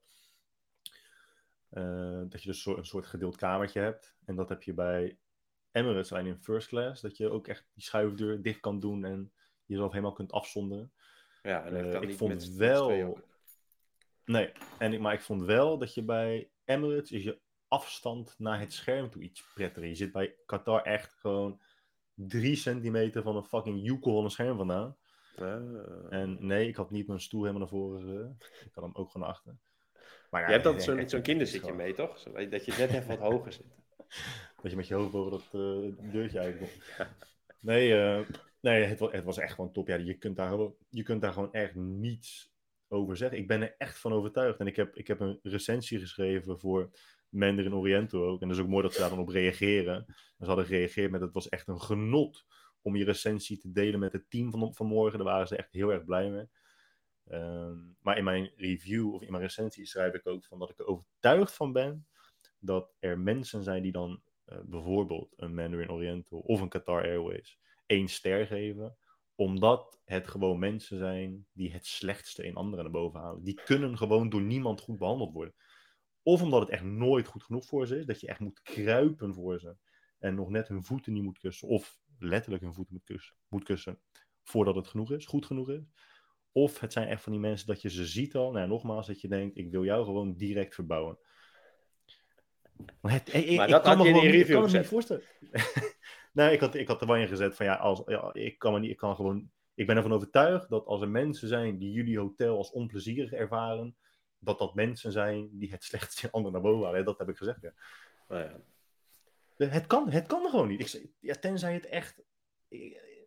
Ja, nee, ik, ik snap gewoon niet hoe dat kan. Ik snap niet hoe dat kan. Dat snap ik echt niet. Ehm, ja, zo mooi. Heb je Qatar ook een review gegeven? Eh, nee, ik heb daar eigenlijk helemaal geen mail of zo over gehad. En je kan ze ook niet echt reviewen op. eh, Ik doe, eh, dat doe ik niet altijd, maar de laatste paar keer heb ik dat gedaan. Dat ik, ik heb altijd zo'n eh, notitieboekje mee en dan scheur ik dan een bladzijde uit en dan doe ik een thank you. Dit is een beetje echt cheesy dat ik dit vertel nu, want eigenlijk moet het niet. Maar doe ik zo'n cheesy... smiley erbij. Nee, nee, nee, doe ik zo'n thank you... Schrijf ik gewoon een thank you note voor de crew, zeg maar.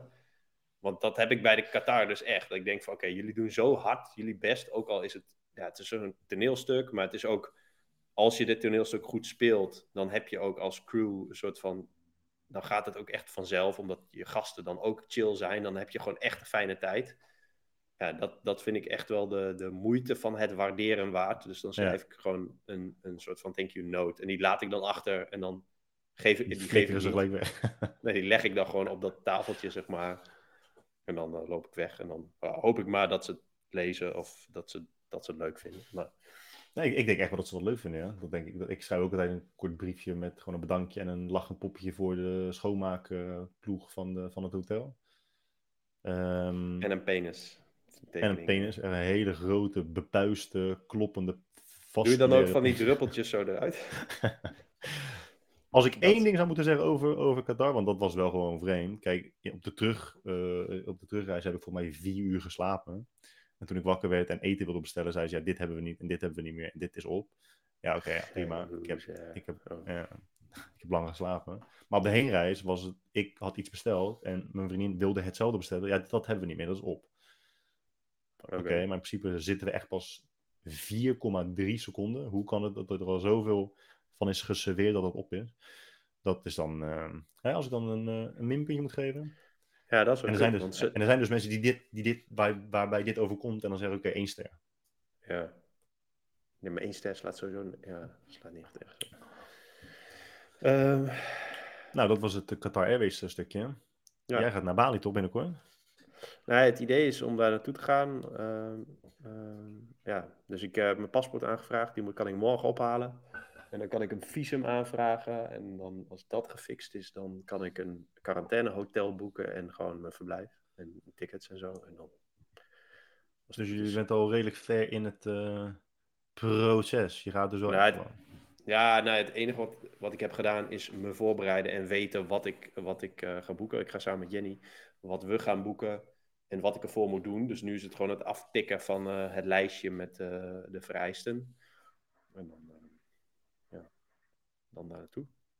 En dan, ja, wat, wat er nog, de beren die op de weg kunnen zijn, is eh, eh, ja, bijvoorbeeld dat, dat die corona-cases daar uit de pan reizen, of dat de inreisvoorwaarden nog anders worden, of ja, andere, andere dingen die we nu nog niet voorzien, die, die eh, op ons pad kunnen komen. Maar in principe, volgens mij kun je heel veel shit boeken met gratis annuleren. Dus ja, dat is wel prima. En je visum, als je dat aanvraagt, moet je binnen volgens mij 180 dagen er naartoe reizen. Dus we zouden ook, eh, ons plan is om in juli te gaan, ook eh, bijvoorbeeld nog in september kunnen gaan. Ehm, dat is de, de uitwijkmogelijkheid. Omdat we in oktober ook nog een ticket van Hongkong naar Londen hebben. ehm, kunnen we die misschien gebruiken om eh, terug te reizen. Het is wel leuk, dan ben je de enige Nederlander die niet op Ibiza is. Ja, zo. Ben je op Ibiza geweest? Eh, nee. nee. Nee. Nee. Ik ook niet. Eh, ja, daar zijn wel, daar zijn wel eh, veel, daar zijn wel veel mensen. Echt Ja, en normaal gaan die mensen natuurlijk ook naar Bali. Wat? Echt heel Nederland is daar nu gewoon. Ik zie nu pas wat het op je achtergrond is. Het is een afzuigkap. Ik dacht dat het een plankje was met een soort van kristallen kunstvoorwerp dat erop stond. Maar het is dus gewoon een afzuigkap. Ja, het is afzuigkap. Shout-out Timo voor het lenen van zijn huis. Daar zit ik. Ik Ehm, wil, ehm, of, of jij wilt natuurlijk, want we hebben nog best wel wat, eh, wat we moeten bespreken. Ehm, ja. we moeten het eigenlijk kort even hebben over stacking, hè? ja, we moeten het hebben over stekking. Ik weet, ik, ik heb daar ook nog wel wat dingen over. Een paar dingen. Maar vertel Jij maar even over stekking. Nee, nou, doe jij, anders doe jij maar, doe jij maar de aftrap. Oké, nou, ik stek- even kalm luisteren. Oké, Stacking is dus een cashback website. Cashback websites zijn in Nederland volgens mij niet heel populair. Ehm, in eh, Amerika en in eh, Engeland en misschien andere landen eh, hoor ik daar veel vaker over. Vooral ook als, omdat ik lees over, over mensen die creditcardpunten sparen en zo. Dat, dat heeft wel flink wat overlap. En wat stacking doet is niet je cash geven, cashback geven, maar sats, satoshis. Eh 1 honderd miljoenste van een bitcoin is een satoshi. Ehm, ja, dus zo kun je, kun je eigenlijk bi- bitcoin oppotten met je online aankopen. En het is fucking simpel. Het enige wat je doet is een account maken op Stacking en eh, een Chrome plugin installeren. En als je dat niet doet, dan kun je via stacking.com naar eh, bijvoorbeeld webshops. En als je daar dingen koopt, krijg je automatisch een klein deel van het geld terug. Alleen, ik zit dus in een, in, een- eh, Telegram groep van Satoshi Radio, zo'n podcast van, eh, eh, eh, over eh, Bitcoin. En volgens mij zit de maker van stacking.com zit daar ook in.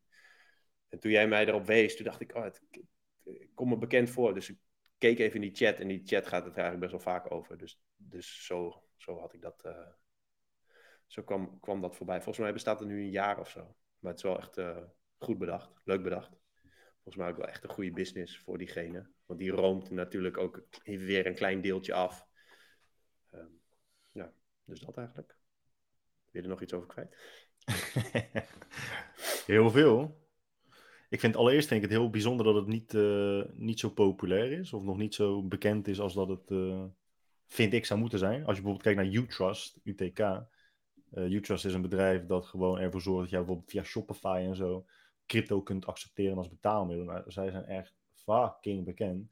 Maar voor zover ik het goed begrijp, een stacking die, die maakt geen gebruik van ehm, samenwerking, van samenwerkingen tussen de webshops eh, die zij, die zij ehm, in hun systeem hebben en andere bedrijven. Ze hebben gewoon volgens mij met elke webshop in hun database, in hun systeem, hebben ze gewoon een aparte samenwerking mee afgesproken. Ik weet niet precies hoe het werkt, maar het is op basis van affiliate links. Hè? Dus ik heb ook wel affiliate links voor bijvoorbeeld bol.com. Als je via mijn linkje dan een boek bestelt, dan krijg ik daar eh, zoveel procent van. Het, het stelt er niks voor, 60 cent per boek of zo.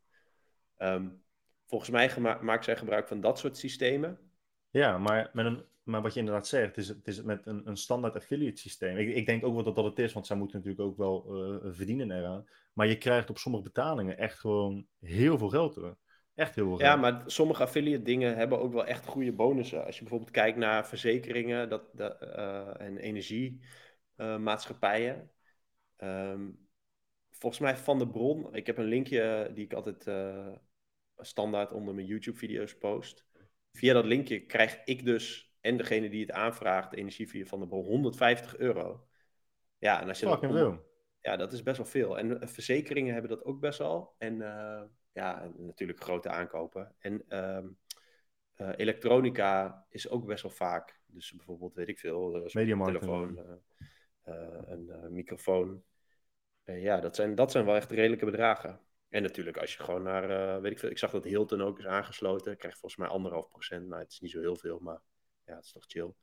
Ehm, ik zat gisteren, zat ik, vond ik weer een of ander ticket met Etihad. Dus ik klik door naar die site. Bam, komt het direct weer in beeld van, joh, wil je geld terug via stacking? Ja, is prima. Ik klikte door naar eDreams, zo'n online ehm, eh, travel agency. Gewoon een reisbureau, bam, weer dat dingetje in beeld. HEMA, Bijenkorf, gewoon echt alles zit, er, zit, zit erbij. Ja, veel hè? Ja. Maar wat, ik dus best wel, nou niet, ja, niet storend, ja wel, wel een beetje storend vind, want het komt overeen met de mensen die dus al 18 jaar zeggen, ik wil echt afvallen, maar er vervolgens niets aan doen, maar er wel altijd over klagen.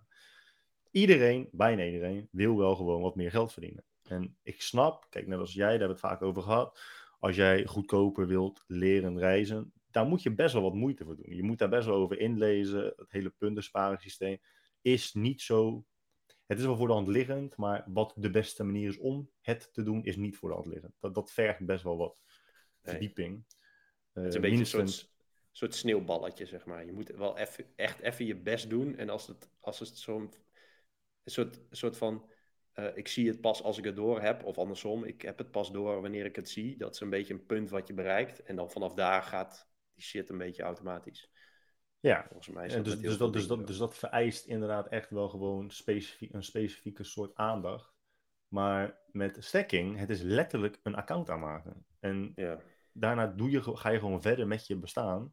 Je leidt gewoon je leven zoals je dat normaal ook doet. En als je op een dag besluit, oké, ik ga iets kopen nu, op een website waar je normaal ook gewoon iets koopt, dan is de kans heel groot dat jij gewoon geld terugkrijgt via stacking. En dat er dan gewoon dus nog steeds mensen zijn die zeggen, ja, ik vind het te veel moeite. Of ja, ik snap, ik had ook iemand die wilde het niet doen, want hij snapte hun verdienmodel niet. Ja, nee, eh, ik, ik snap het verdienmodel voor hun niet echt, dus eh, er zal vast een alletje onder het gras zitten.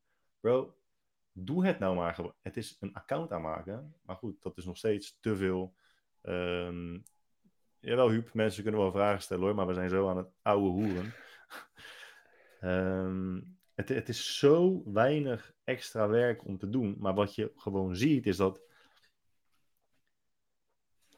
mensen die je hebt in het begin heb je gewoon, heb je gewoon eh, niets. Je hebt nul satoshis en een satoshi is inderdaad bijna niets waard. En satoshis zijn alleen maar in het leven geroepen omdat mensen niet willen zeggen: hey, gozer, ik krijg nog 0,000000004 bitcoin van je. Ze willen gewoon een systeem creëren, een monetair systeem waarbij je ook kan zeggen: hey, ik krijg nog 400 satoshis van je. Dat is makkelijk. Hè? Ehm, maar als je dus achterkomt dat een satoshi niks waard is, bijna niks waard is, en je krijgt per transactie 1 of 2 procent, dan denk je al heel snel: ja, hier ga ik niet aan beginnen, want je verdient daar gewoon helemaal niks op. Maar ik heb nu in drie dagen tijd gewoon, wat is het, 30, 40 dollar terug gehad. Ja, dat, dat, is, dat is gewoon echt wel geld. En als je dat over de jaren heen doet en je ook nog eens betaald krijgt in een ehm, valuta waarbij de potentie van waardevermeerdering groter is dan euro's, ja, doe het gewoon. God, kijk, het is, het is wel lastig. Op een gegeven moment wordt het wel lastig, want je moet enigszins het verschil weten tussen eh, Lightning Network en gewoon eh, het netwerk dat je eh, nu gebruikt voor, voor Bitcoin Segwit. Um, want je moet dus uiteindelijk uitbetalen naar een wallet toe die Lightning Network ondersteunt. Dat is niet zo moeilijk. Je downloadt gewoon Blue Wallet en je betaalt via Lightning betaal je het aan jezelf uit. Dat is direct en het is zonder transactiekosten. Dus als jij vanuit stacking op payout klikt en je geeft je adres op, dan staat het direct in je eigen wallet en je betaalt er helemaal geen ene reet voor. En dat is dus zo mooi. En daarom is dat nieuws, omdat je net Jack Mallers ook uh, noemde, uh, het, het, nieuws in El, uit El Salvador en zo, waar ze dus Strike en Lightning Network echt gewoon gaan gebruiken. Ja, dat is een monetair systeem dat, dat direct is en, en, en, en zonder transactiekosten. Um, maar vervolgens moet je het dus van je Lightning Network of van je wallet naar een bijvoorbeeld een Binance account krijgen in normale Bitcoin. En dat is even uitvogelen. Maar mm. mensen doen vaak dat onderzoek van alle stappen die ze moeten doorlopen voordat ze überhaupt beginnen. En dan denken ze, zo, hè, de, al dus alle stappen tot aan de eindstreep, dat zijn wel heel veel stappen. Dus daar ga ik niet aan beginnen voor die paar procent. Maar je kunt Ja. dus beter gewoon dat account aanmaken, sparen, wachten tot er echt iets op staat. En dan pas denken, oké, ik ga nu eens kijken hoe ik dat... eh, Dit, dit, is, dit heeft zo verschrikkelijk veel parallellen met punten sparen. Dat is ook een kwestie van, oké, maak even een account aan en als je vliegt, zorg even dat je die punten spaart. En kijk, ja, je kijkt over twee jaar wel weer wat je aan die punten hebt. Maar ze zijn in ieder geval veel waard en op een gegeven moment, dan kun je er iets mee. Maar doe er maar gewoon even en dan, ja, Daarna, Ja, mensen, en mensen beginnen gelijk bij het einde als ze dat doen. En dan denken ze, oké, ik kan punten sparen. Oké, ik ga eens kijken hoeveel punten ik nodig heb om een vliegticket te boeken. Oh, 500.000. Ja, en op deze vlucht krijg ik maar 5000 punten. Ja, hallo, dan moet ik eh, zoveel keren vliegen voordat ik een vliegticket kan kopen. Daar ga ik niet Ja. aan beginnen. En dan stoppen ze zo, ja. Dan nemen ze dus ja, maar de dit, eerste maar dit, stap. is, dit is een beetje hetzelfde als, weet ik veel, eh, eh, je bent eh 80 kilo te zwaar en dan ga je een dag iets minder eten. En dan, ja, ja dan eet ik één boterham met hagelslag minder. Dat, slaat, dat helpt er niet. Laat maar. Dan eet ik hem wel. Gewoon, het of dat soort ja. dingen. Of, of, of eh, gewoon geld sparen. Ja, ik wil een huis kopen. Dan ga ik er niet iedere dag 3 euro sparen. Ja, maar bro. Ja, kijk, Ja. Ik, ik, en en daar heb ik eindeloze discussies, tenminste geen discussies, het is meer een onderwerp van humor tussen mij en mijn vriendin. Mijn vriendin is wel van mening dat alle kleine weetjes helpen. Nou, ik deel die mening niet. Ehm, maar sommige kleine beetjes zijn wel in ieder geval procentueel significant. En sommige kleine beetjes komen zo vaak voor dat ze de potentie hebben om heel snel meer te worden. Ehm, en, en dat is met stacking wel gewoon het geval. Omdat het zo geïntegreerd is met je dagelijks leven. Je merkt er gewoon niets van. En ja, dan, dan worden die kleine beetjes heel snel veel meer. Dit, soort, dit soort in- initiatieven zijn er ook wel, toch? Van banken die, die maar dat gaat, is een beetje op een andere manier, die alles afrondt naar boven en Ja, dat allemaal ja, ja, ja. opzij zetten en zo. Dat is een beetje vergelijkbaar. En dat is met dit ook, alleen dit is echt een hele grote kans dat dit, eh, ehm, maar dit is gratis geld, dus dit is niet het, het afronden naar boven van je eigen geld. En er is een hele grote kans dat dit wel meer waard wordt op een timeframe van 1, 2, 3, 4, 5 jaar. Ja. Dus, eh, Ja, en nog steeds. En ik heb heel dit verhaal gewoon verteld aan verschillende mensen en het eh, met ze over gehad en uitgelegd. En dan zeggen ze nog steeds: ja, nee, ik ga het niet doen. Ja, gozer. En, en het mooie is dat ik gisteren dus al die posts heb gemaakt en dat je dan weer fucking veel mensen hebt die je gewoon ontvolgen. hè. Dan denk ik, dude, ik probeer ook. Kijk, tuurlijk, ik heb er ook iets aan. Laten we wel gewoon eerlijk zijn. Maar ja, het linkje staat in jouw letterlijk- bio, instagram.com slash guy, laat het droog. Of aan ik elkaar. probeer je letterlijk te helpen met meer geld verdienen. Maar Huub heeft wel een aantal eh, leuke. Ja, je moet even leuke vragen beantwoorden van Huub. Is op je Huub, auto. Ja, dat is niet zo boeiend. Want ik ben, ik ben nu inderdaad op zoek naar een leaseauto en ik ben met wat bedrijven in gesprek. Even kijken wat ik, eh, wat ik ga doen. Maar die eh, financiële vragen zijn wel, eh, zijn wel leuk. Wanneer zijn jullie tevreden qua geld op de bank? En wat vinden jullie van spaargeld? En hoeveel spaargeld hadden jullie bijvoorbeeld als 20 jaar of 30 jaar? Nou, jammer. Ik, trap, ik heb een, eh, trappen. ah, ik ga wel eerlijk zijn, ik heb een hele slechte eh, manier van met geld omgaan. Ik heb dat vroeger niet echt geleerd of zo. En toen ik studeerde heb ik best wel veel geleend, waardoor ik best wel hoge studieschuld heb. eh, die ik gedeeltelijk heb afbetaald. Ehm, ik heb toen ik een jaar of vijf, vier, vijf geleden influencer was, ehm, verschrikkelijk veel geld verdiend. Nou, niet verschrikkelijk veel. Echt bizar veel geld verdiend in, Net in, in sommige maanden. En dat ook vrijwel allemaal uitgegeven aan bijvoorbeeld drones en eh, hele dure hotels. en weet ik veel, gewoon andere domme shit. Ubers, terwijl ik ook met de fiets kon. En weet- gewoon dat soort dingen. En pas sinds kort, denk ik een jaar of twee, drie, ben ik een beetje gaan snappen. In ieder geval eh, eh, dat, dat die kleine beetjes helpen. En dat, dat, je, eh, dat rijke mensen rijk worden door niet veel geld uit te geven. Ehm, en dus hoeveel, hoeveel spaargeld had je als 20-jarige? Nou, echt min heel veel. En als 30-jarige min heel veel. Ik heb, ja, dat eigenlijk. Maar het gaat wel goed met je, toch? ja, het gaat wel goed, inderdaad. En, ehm, ehm, nee, dat eigenlijk. Dus wanneer ben ik tevreden? Ja, dat, dat is wel echt een goede vraag. Ehm, wanneer ben ik tevreden qua geld op de bank? Ehm, weet niet. Guy, als jij nou even dit, jouw antwoord geeft, dan ga ik hier even over nadenken. Ik vind het ook echt goede, goede vragen. Want ik denk ook dat Huub eh, jong is. Die aanname doe ik even. Ik denk eh, mid, mid 20. Eh, nou, ik denk dat Huub 23 is. Maar. ehm, Wel mooi dat Huub Ik- Stuivert een vraag stelt over geld. no pun intended. Ik, eh, ik heb ook echt nooit het goede voorbeeld gehad, financieel. Mijn ouders waren echt heel, echt heel slecht met geld. Die hadden echt, echt torenhoge schulden altijd. Eh, maar ondanks dat ik dus niet op ben gegroeid met het goede voorbeeld, heb ik wel vanaf jonge leeftijd al financiële stress uh, meegekregen. En gezien wat dat met, met mensen en met echtparen deed. Ehm, dus ik was wel altijd al vanaf vroege leeftijd bezig met: oké, hoe ga ik gewoon zoveel mogelijk geld verdienen in mijn leven? Ik zeg niet dat dat de juiste instelling is. Ik zeg alleen maar dat ik dat op jonge leeftijd uh, had. En daarom begon dus ook het ondernemerspad. Dat is niet het beste pad naar heel veel geld verdienen. Nou, tenminste, het is niet het beste pad naar snel veel geld verdienen. Dus ik heb in principe ongeveer uh, acht jaar lang echt helemaal geen ene reet verdiend. Dus vanaf mijn twintigste tot, nee, vanaf mijn negentiende tot 29ste heb ik echt gewoon geen cent te makken gehad. Maar ik heb nooit schulden gehad. Um, en als het dan opeens heel goed gaat, dan is het best wel moeilijk om daar mee om te leren gaan. Want ja, mensen die zeggen dat geld je niet gelukkig maakt, het zijn over het algemeen mensen die uh, of veel te veel geld hebben en zijn vergeten hoe het was toen ze van geen geld naar veel geld zijn gegaan. Of het zijn mensen die geen geld hebben, maar over het algemeen draagt uh, financiële zekerheid wel degelijk bij aan, uh, aan, je, aan je geluksgevoel.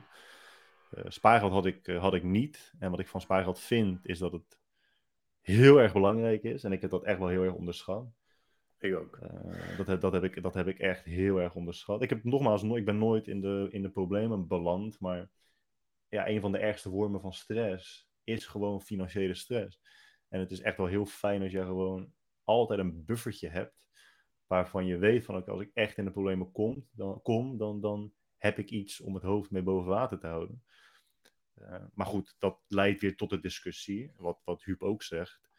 Um, ja, hoeveel is, dat, hoeveel is dan genoeg? Want ik ken oprecht mensen, en dat is geen grap, ik ken mensen die gewoon meer dan een miljoen aan vrij besteedbaar vermogen hebben. En die dat nog steeds niet genoeg vinden. Die gewoon echt gestrest zijn, oprecht gestrest. Zoals wij dat ook zouden zijn als wij 5 euro de bank zouden hebben. Um, als, als ze richting de 995.000 gaan. Dat, dat, getal, dat getal op de bank wordt, wordt het, het, een continu streven in het leven. En als ze daar dus onderkomen, ja, dat heeft gewoon directe invloed op hun, uh, op hun geluksgevoel. Dat is gewoon echt slecht. Dus het is heel moeilijk om te kwantificeren wat uh, genoeg is. Oh, 32. Oh, sorry, ik dacht, uh, ik dacht 23. Je hebt, een, je hebt een jonge naam, dat is het gewoon. Huub Stuywert is, is gewoon een jonge naam. Wat, ik vind Huub wel een, naam voor iemand van 64. Huub, dit is Huub Stuywert. Ja, dit is, dit is hoofdafdeling inkoop. Nee ik, nee, ik zie juist een, een jonge, jonge, energieke, vitale, vitale vent voor me in de, in de bloei van zijn leven. 32 is niet de bloei van je leven. Laag vetpercentage. Laag wel, vetpercentage. Wel lange duurt. Huub is wel een lange naam. Ja, dat is absoluut. Het is een lange, lange naam. Iemand die waarschijnlijk naar het grafisch is geweest. Ja, ik weet niet, gewoon, gewoon leuk. Gewoon leuk. Uh... Maar uh, ja, dat is een beetje mijn uh, antwoord. En ja, wanneer, wanneer ben je tevreden? Ja, dat is wel een goede vraag, toch? Ik bedoel, de, de... er zijn toch wel, er, zijn, er is zo'n onderzoek dat vanaf, wat was het ook weer? 60.000 euro per jaar inkomen of zo. Dat ja, dan, ja 7.000 dollar per, per maand, of tussen de 5 en 7.000 dollar per maand. Daarboven heeft het geen invloed meer op je geluk. Het, het boek Scarcity, uh, ja, volgens mij heet het gewoon Scarcity, heb ik toen gelezen. Toen ik zelf uh, ja, best wel wat stressig, stressig was over uh, ja, mijn inkomen of mijn geld. Ik had echt vrij weinig geld. Um, en dat gaf wel echt een mooi inzicht over dat je ook, als je geldproblemen hebt, dat de rest van de dingen die je doet in het leven zo erg beïnvloed worden door die geldproblemen, dat dat zo kut is. En dat is ja. dus ook de soort visueuze cirkel van mensen die in geldproblemen zitten, dat ze gewoon slechte uh, beslissingen nemen op het gebied van voeding, op het gebied van relaties, op het gebied van aankopen überhaupt. Een soort van, oké, okay, je hebt geen geld, maar je denkt wel, oké, okay, ik moet spullen kopen of zo. Maar je kunt gewoon niet meer gewoon normaal nadenken, omdat je de hele tijd stress hebt om geld. Dat is best wel, ja, dat boek legt het wel echt mooi uit, man.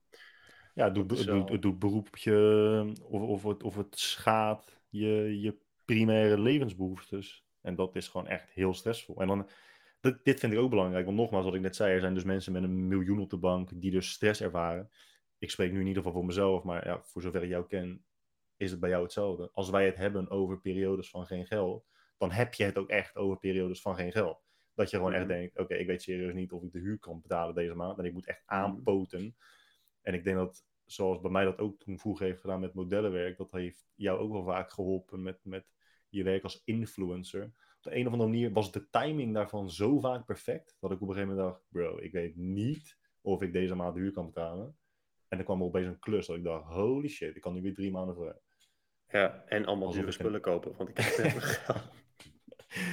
Ja, erg. Maar dat, je, je, je benoemde net wel iets, iets, iets, iets moois over waarom rijke mensen uh, rijk worden, maar ook vooral rijk blijven. Is, ik ben.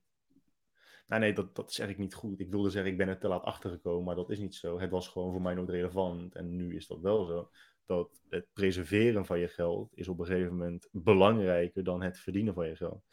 En hmm. preserveren van je geld is ook heel moeilijk. En dat heeft ook weer, brengt weer een andere vorm van stress met zich mee dan geld verdienen. En het is ook een ander spel dan geld verdienen. En geld preserveren is, is, is meer dan alleen maar, ja, je moet gewoon minder geld uitgeven. Dat, dat is het niet. Dat is nee, nee, precies. precies.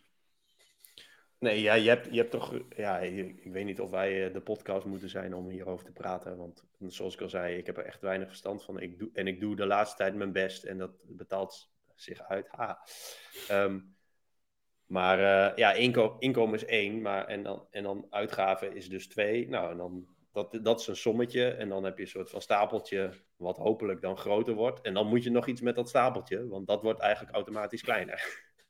Ja. Dus ja, het zijn, het is een paar knopjes waar je aan moet draaien.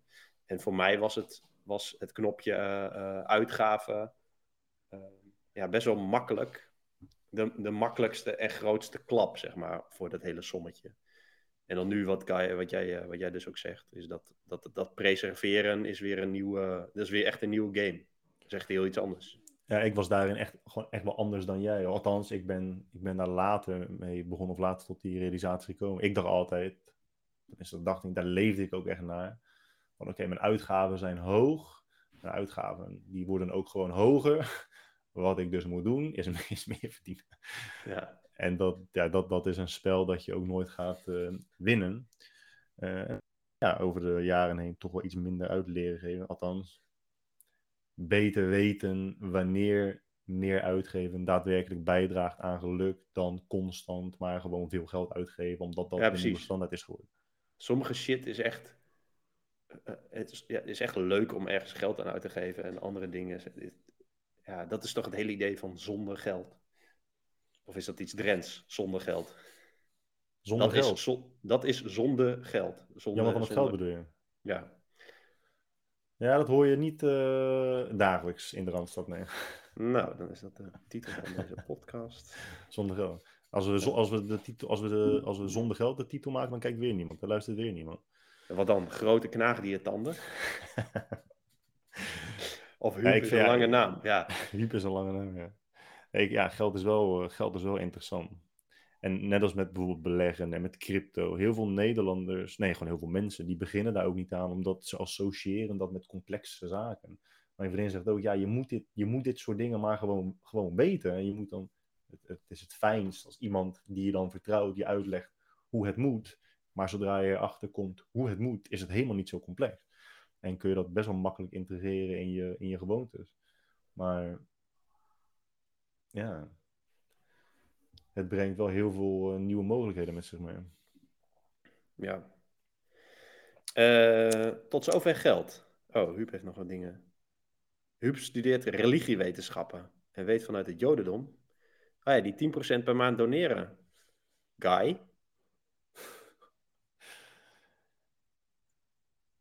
ja. Kijken jullie daar? Ja, daar, gaan we het nog een keertje, daar gaan we het nog een keertje over hebben, denk ik. Ook over uh, algemeen of uh, hoe heet het, uh, universeel basisinkomen.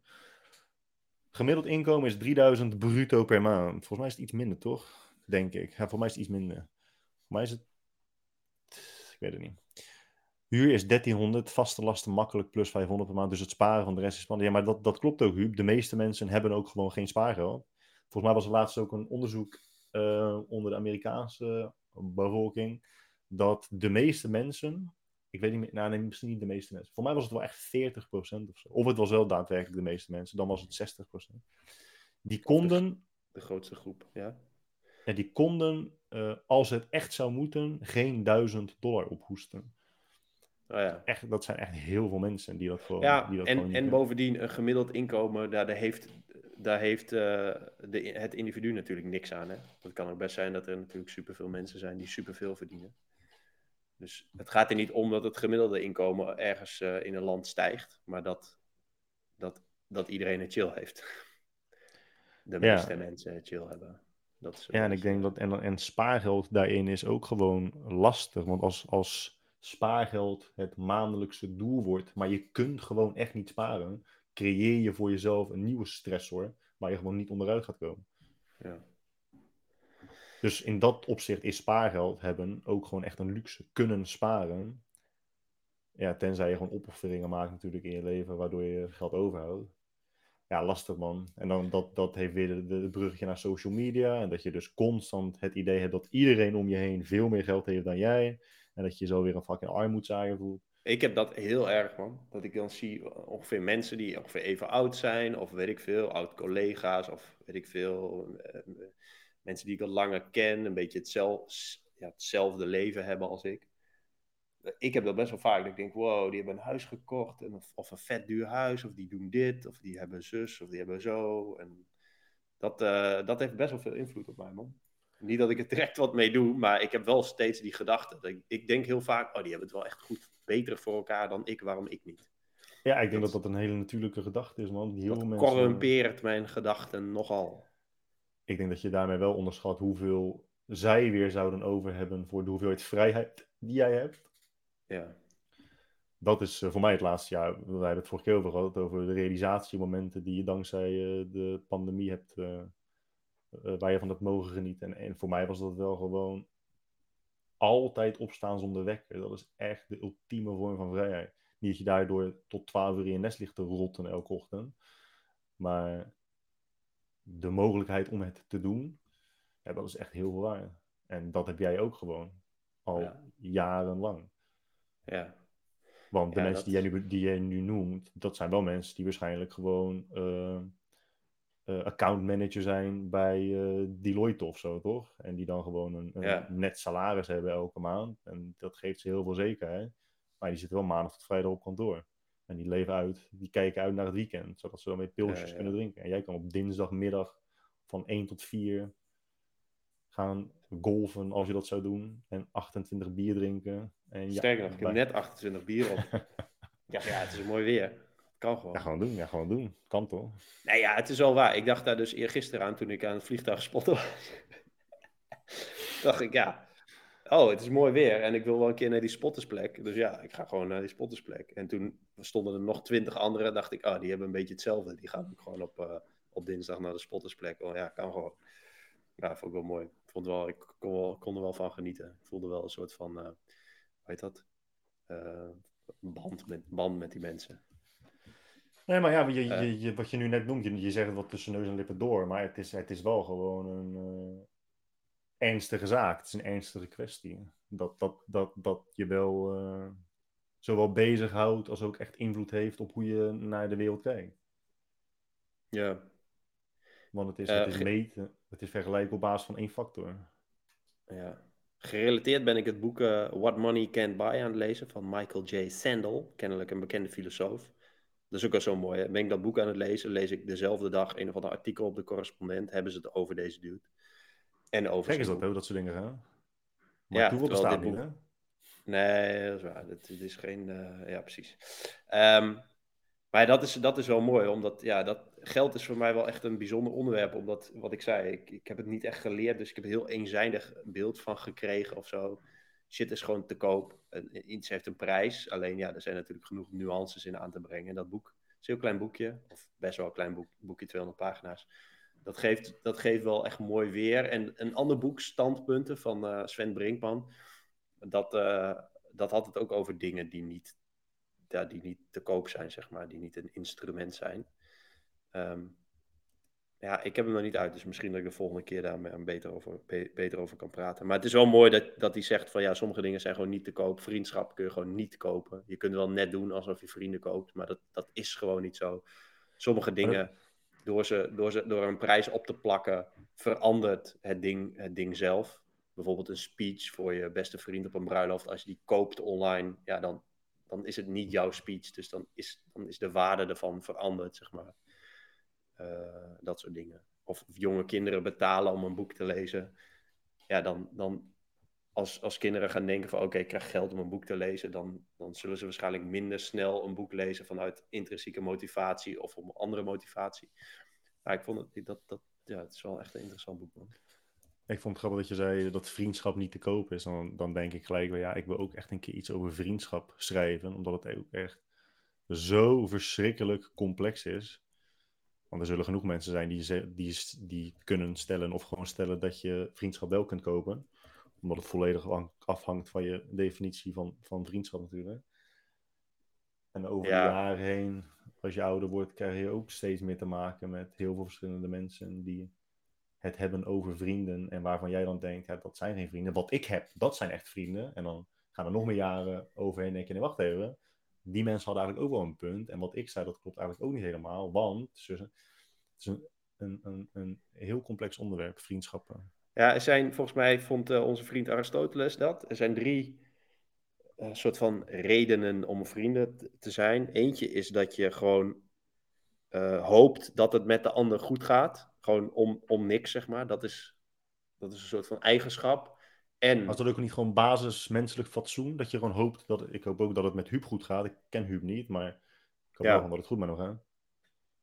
Uh, dat zou kunnen. En, uh, en dat je op iemand kunt bouwen. Dat is een soort van transactioneel, maar ook weer niet. Een soort van geborgenheid gevoel, zeg maar. Dat als ik bijvoorbeeld in de shit zit, dat ik dan weet dat ik op jou kan bouwen. Of andersom, zeg maar. En die andere weet ik eigenlijk niet. Maar goed, er zijn dus, de, ja, je kunt het op verschillende manieren, manieren uitleggen. Maar ja, dat, dat kun je echt niet kopen. De, ja, denk ik, denk ik. Nee, maar bijvoorbeeld, als jij, uh, als jij, als jouw definitie van vriendschap is iemand waar je gewoon altijd gezellig een biertje mee kunt drinken en uh, die kun je altijd uh, uitnodigen voor een uh, reisje naar Ibiza of ja, noem maar iets waar geld wel invloed op heeft. Laat ik het anders zeggen. Ik ken mensen die wel degelijk vriendschappen hadden in het verleden, die uiteindelijk volledig uh, leken te berusten op de financiële situatie van die personen. Die, die gingen dus stappen en die kochten heel veel, weet je wel, drank voor de tafel. En die namen vrienden mee op, op reis. En die deden heel veel dingen samen, omdat ze die dingen konden doen, omdat ze gewoon rijk waren.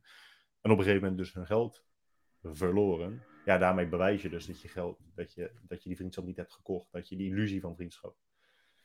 Nee, ik ben er ja, in principe, ja, want, want je zegt natuurlijk van de definitie van mensen is puntje, puntje, puntje. Maar ja, dat is natuurlijk ook wel weer subjectief.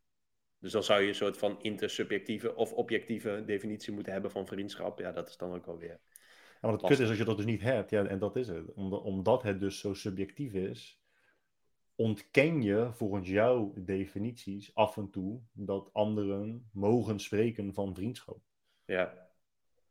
Nou ja, dat, dat is dus het interessante aan dat boek. Dat je gewoon weer gaat nadenken van oké, wat is vriendschap dan? Wat is geld?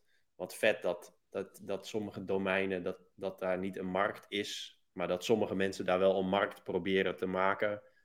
Ehm, en dat economen, dat is ook wel mooi dat hij zegt van economen vinden dat ze geen oordeel scheppen over de markt. Dat het en dat zij ook vinden, of tenminste traditionele economie vindt, vindt dat als er een transactie plaatsvindt, dan is dat voor beide mensen het beste. En deze, deze filosoof zegt dus van ja, dat, dat, is, dat is niet zo op een gegeven moment komt economie en een soort van moraliteit met elkaar in een soort botsing. En wat betekent dat dan? Ja, dat, dat, dat vind ik wel echt vet om, uh, om over te lezen. Dat is, uh, dat is nice. En vooral ook omdat ik het idee heb dat. Uh, ik ben er ook nu een, een, stuk over aan het schrijven voor autonomie. Dat, dat zo, dat, ik heb soms het idee dat alles wat mensen doen, of, of wat groepen mensen doen, dat er altijd wel een soort van slimme ondernemer is die denkt: Oh, hoe kan ik hier geld aan verdienen? Oké, heel veel mensen doen dit. Nou, dan ga ik gewoon daar een, een, een uh, steentje neerzetten en dat dan verkopen. En, oh, ik schrijf er een e-book over. Ja, precies. Oh, heel veel mensen fietsen. Oh, dan, dan bedenk ik swapfiets, een fietsabonnement. Weet je wel, dat soort, dat soort dingen. Dan denk je, hè? En nu, ik, ik, ik was dat boek aan het lezen, toen dacht ik, oké, er zijn dus heel veel dingen die niet te koop zijn. Bijvoorbeeld lucht, schone lucht. En dezelfde dag zie ik een advertentie van ehm, een of andere Toyota uh, elektrische auto, of waterstofauto, denk ik. Die dan adverteert met dat je, de, dat je de lucht zuivert of zo met je auto. En dat je alleen uh, water uh, uitstoot. Toen dacht ik, oh ja, dat, je kunt natuurlijk gewoon alles op de wereld, daar kun je een soort van product omheen bedenken. Mm. Oké, ik heb nu iets gemaakt waarmee je schone lucht produceert. Dus dan is dat ook weer iets wat je kunt kopen. Het is een nieuwe laag dat- over al bestaande producten. Ja, en, en, en hoe dat in het. Kijk, vroeger ging er gewoon, weet ik veel, ging iemand een beetje shit verbouwen en die had dan een beetje zooi over en dan ging je dan verhandelen en er was dan een markt. Op een gegeven moment gingen Europese landen een beetje de wereld overtrekken, omdat ja, ze hadden al het land wel een beetje soort van in bezit en dan gingen ze een beetje die- dat imperialisme. En nu is er gewoon een tijd van, oké, al het landen is wel een beetje verdeeld, maar nu is gewoon, we gaan gewoon kijken, gewoon alle shit om ons heen, wat we kunnen verkopen, dat gaan we proberen te verkopen. En plus die hele virtuele wereld die er nu is, daar is ook alles te koop. Soort van, je kunt alles verzinnen en overal wordt geld voor gevraagd of zo. En ik, ik word daar soms een beetje gek van, dat ik gewoon niet meer snap van, eh, is, er, is er nog een wereld waar geld geen rol speelt of zo, waar, waar geen markt is? Nou, en toen kwam dit boek dus voorbij, toen dacht ik, oh ja, vet. Leuk, leuk om eventjes even een filosoof te lezen die dan een beetje een soort van basis-idee daarover schrijft. Nou, maar dat is wel mooi dat je dat zegt, want Jori die heeft nu zijn eh, berichten wel verwijderd, maar ik heb ze al 23 keer gelezen, dus dat, dus dat maakt niet uit. Maar Jori stelde bijvoorbeeld de vraag van, ja, weet je, eh, het lijkt erop alsof tegenwoordig vooral alle jonge mensen nog heel veel met eh, geld bezig zijn, ook ondernemers zijn allemaal met geld bezig. En wat vinden jullie dan van de vrijheid die je krijgt als ondernemer? En hoe gaan jullie daarmee om? Nou, we hebben het al kort over vrijheid gehad, maar het is, ik had het er gisteren ook nog eh, met mijn vriendin over. Het is heel moeilijk om een pad voor jezelf te creëren dat echt heel van wat de norm is, van wat de standaard is. En natuurlijk kun je heel veel waarde hechten aan vrijheid. En dat, dat doe ik echt. En naarmate je ouder wordt, ga je dat steeds meer leren waarderen. Maar vrijheid is. De waarde van vrijheid neemt wel toe zodra je die vrijheid kunt delen met anderen. Het is heel leuk dat je als bijvoorbeeld personal trainer bijna elke middag vrij bent. Maar als je de enige bent die vrij is, ja, dan zie dat het is wel leuk, want dan kun je een boek lezen of je kunt uit je neus gaan zitten vreten. Je kunt wel dingen doen die je, die alleen eh, doet of graag alleen doet. Maar het is nog leuker als je vrijheid kunt delen met anderen. Ik, ik heb mensen die, die een partner hebben die gewoon alleen maar vrij kunnen krijgen in de zomervakantie. Mensen die in het onderwijs zitten. Ja, die partners die hebben veel meer vrijheid, maar die vrijheid kunnen ze niet delen. En ja, dat, dat, dat is wel waardeverminderend van vrijheid. Vrijheid, het concept vrijheid is heel veel waard en heel veel leuk. Maar de manifestatie ervan in het leven, ja, daar, daar merk Ja, maar- je minder vaak. Dat is het hele punt van mijn boek. Het gaat toch om wat je doet. Je ziet, je ziet nu al die business coaches en mensen die video's maken in- op, op tropische plekken. Van ik heb ultieme vrijheid gecreëerd en jij kunt het ook. Ja, dat zijn allemaal mensen die niet weten wat ze willen met hun leven. Want autonomie is kiezen uit al die vrijheden. Dus dat je weet, oké, ik ga dit doen. Dus ik heb al die vrijheid, ik heb al deze opties. Maar ik ga vanuit deze opties ga ik precies dit doen. En ja, dat, zo, en zo richt ik dan mijn leven in. Want ja, Hmm. vrijheid op zich, daar, je hebt daar geen reet aan. Je moet Nee. weten wat je, wat je ermee moet. Of wat je, wat je ermee kunt. En, Ja. eh, en natuurlijk zit daar een soort van gradaties in. Want sommige mensen zijn helemaal niet vrij. En dan hebben we het niet per se over mensen die, die een vaste baan hebben. Er zijn natuurlijk nog veel meer mensen die een kutte thuissituatie hebben. Of worden eh, problemen hebben met hun partner of met hun ouders. Of, of door armoede, weet ik veel wat voor problemen hebben. Eh, kijk, er zijn heus wel stappen te zetten in, in die levens naar meer vrijheid. Maar op een gegeven moment ja, heb, je wel, heb je wel genoeg vrijheid. En sowieso in deze westerse wereld in Nederland heb je voldoende keuzes om te maken. Volgens mij gaat het er op een gegeven moment om wat je dan wil. En wat je dan gaat doen. En inderdaad met wie. Maar het is sowieso, het is sowieso in West-Europa nagenoeg onmogelijk om te zeggen: oké, geld is voor mij niet belangrijk. Tuurlijk, je kunt wel zeggen dat het niet belangrijk voor je is, maar om dat spel gewoon maar helemaal niet te spelen, uh, zorgt ook wel voor problemen. Ja, ja, je kunt zeggen, ik wil in Amsterdam wonen, ja, dat is leuk. Dan moet je 1800 euro huur per week betalen. Ja, als jij dan dat geld niet verdient, dan is die droom in ieder geval alvast van de baan. Dat betekent niet dat je geluk af moet hangen van het wel of niet wonen in Amsterdam. Um, maar wonen in Amsterdam brengt weer allerlei andere opties met zich mee vergeleken met wonen in Drenthe. Ja. Dus, dus, hoe je het ook bent of keert, ergens in het spel gaat geld gewoon een rol spelen. Het is alleen van belang dat het niet je pad gaat bepalen of volledig uh, uiteindelijk je geluk bepaalt. Nee, en, en, dan komen we weer terug bij uh, Sam Harris, toch? Is het mogelijk dat, om gelukkig te zijn voordat er iets gebeurt? Toch? Ja, ja, zeker. Alleen zodra er dus dingen gebeuren, draagt dat wel bij aan het geluk. Maar in de basis moet het. Uh, ja, ik vind het wel, ja. Ik wilde geen vanuit jezelf komen zeggen, maar ja, dat is wel waar het, waar het op neerkomt. Ja, dat is, dat is dus het interessante aan het boeddhisme. Dat, dat, dat is toch die. die ja, ik, ik heb daar heel weinig verstand van. Jij, ik moet nog steeds dat boek lezen wat jij mij. Die introductie voor boeddhisme, in boeddhisme, tot boeddhisme. Um, maar proberen om niet afhankelijk te zijn van uh, uh, verlangens, toch? Dat is, dat is een beetje hoe, wat, het, wat het ultieme doel is van boeddhisme, of zeg ik dat verkeerd? Nee, ja, het is heel erg. Je hebt natuurlijk ook, je hebt vaak genoeg uh, onze vriend Verveki gelezen en geluisterd. Die, die, die, die beredeneert en leeft ook heel erg vanuit het boeddhisme, vanuit leven in het moment. Het is heel moeilijk om het over boeddhisme te hebben zonder dat je echt als een wandelende cliché klinkt. Maar de, de kern van al die clichés, ja, daar, zit, daar zit zoveel waarheid in. Uh, maar inderdaad, niet afhankelijk zijn van externe factoren. Niet afhankelijk, je geluk niet laten afhangen van, van allerlei externe factoren. Niet, uh, vooral met je gedachten, niet constant in de toekomst zijn. Dat is ook zo. Hè? Wij, wij zijn wij vinden het heel erg belangrijk dat de toekomst een verbeterde versie van het verleden is. Dus daarmee ben je alleen maar aan het fantaseren over de toekomst op basis van het verleden. Dus waar hou je dan ruimte over om gewoon in het moment te zijn? Maar goed, nogmaals, de, het proces naar het normaliseren van dat soort gesprekken zonder dat je fucking zweverig klinkt, dat is uh, wel behoorlijk in gang gezet al de laatste uh, jaren. Maar nog wel te weinig. De nuchtere Hollander vindt dat nog steeds allemaal iets te zweverig. Je hebt twee dingen, toch? Je hebt, je hebt hele nuchtere mensen en je hebt mensen die er direct een Instagram-cursus van maken en proberen geld te verdienen aan, aan hierover praten. Dat is super irritant.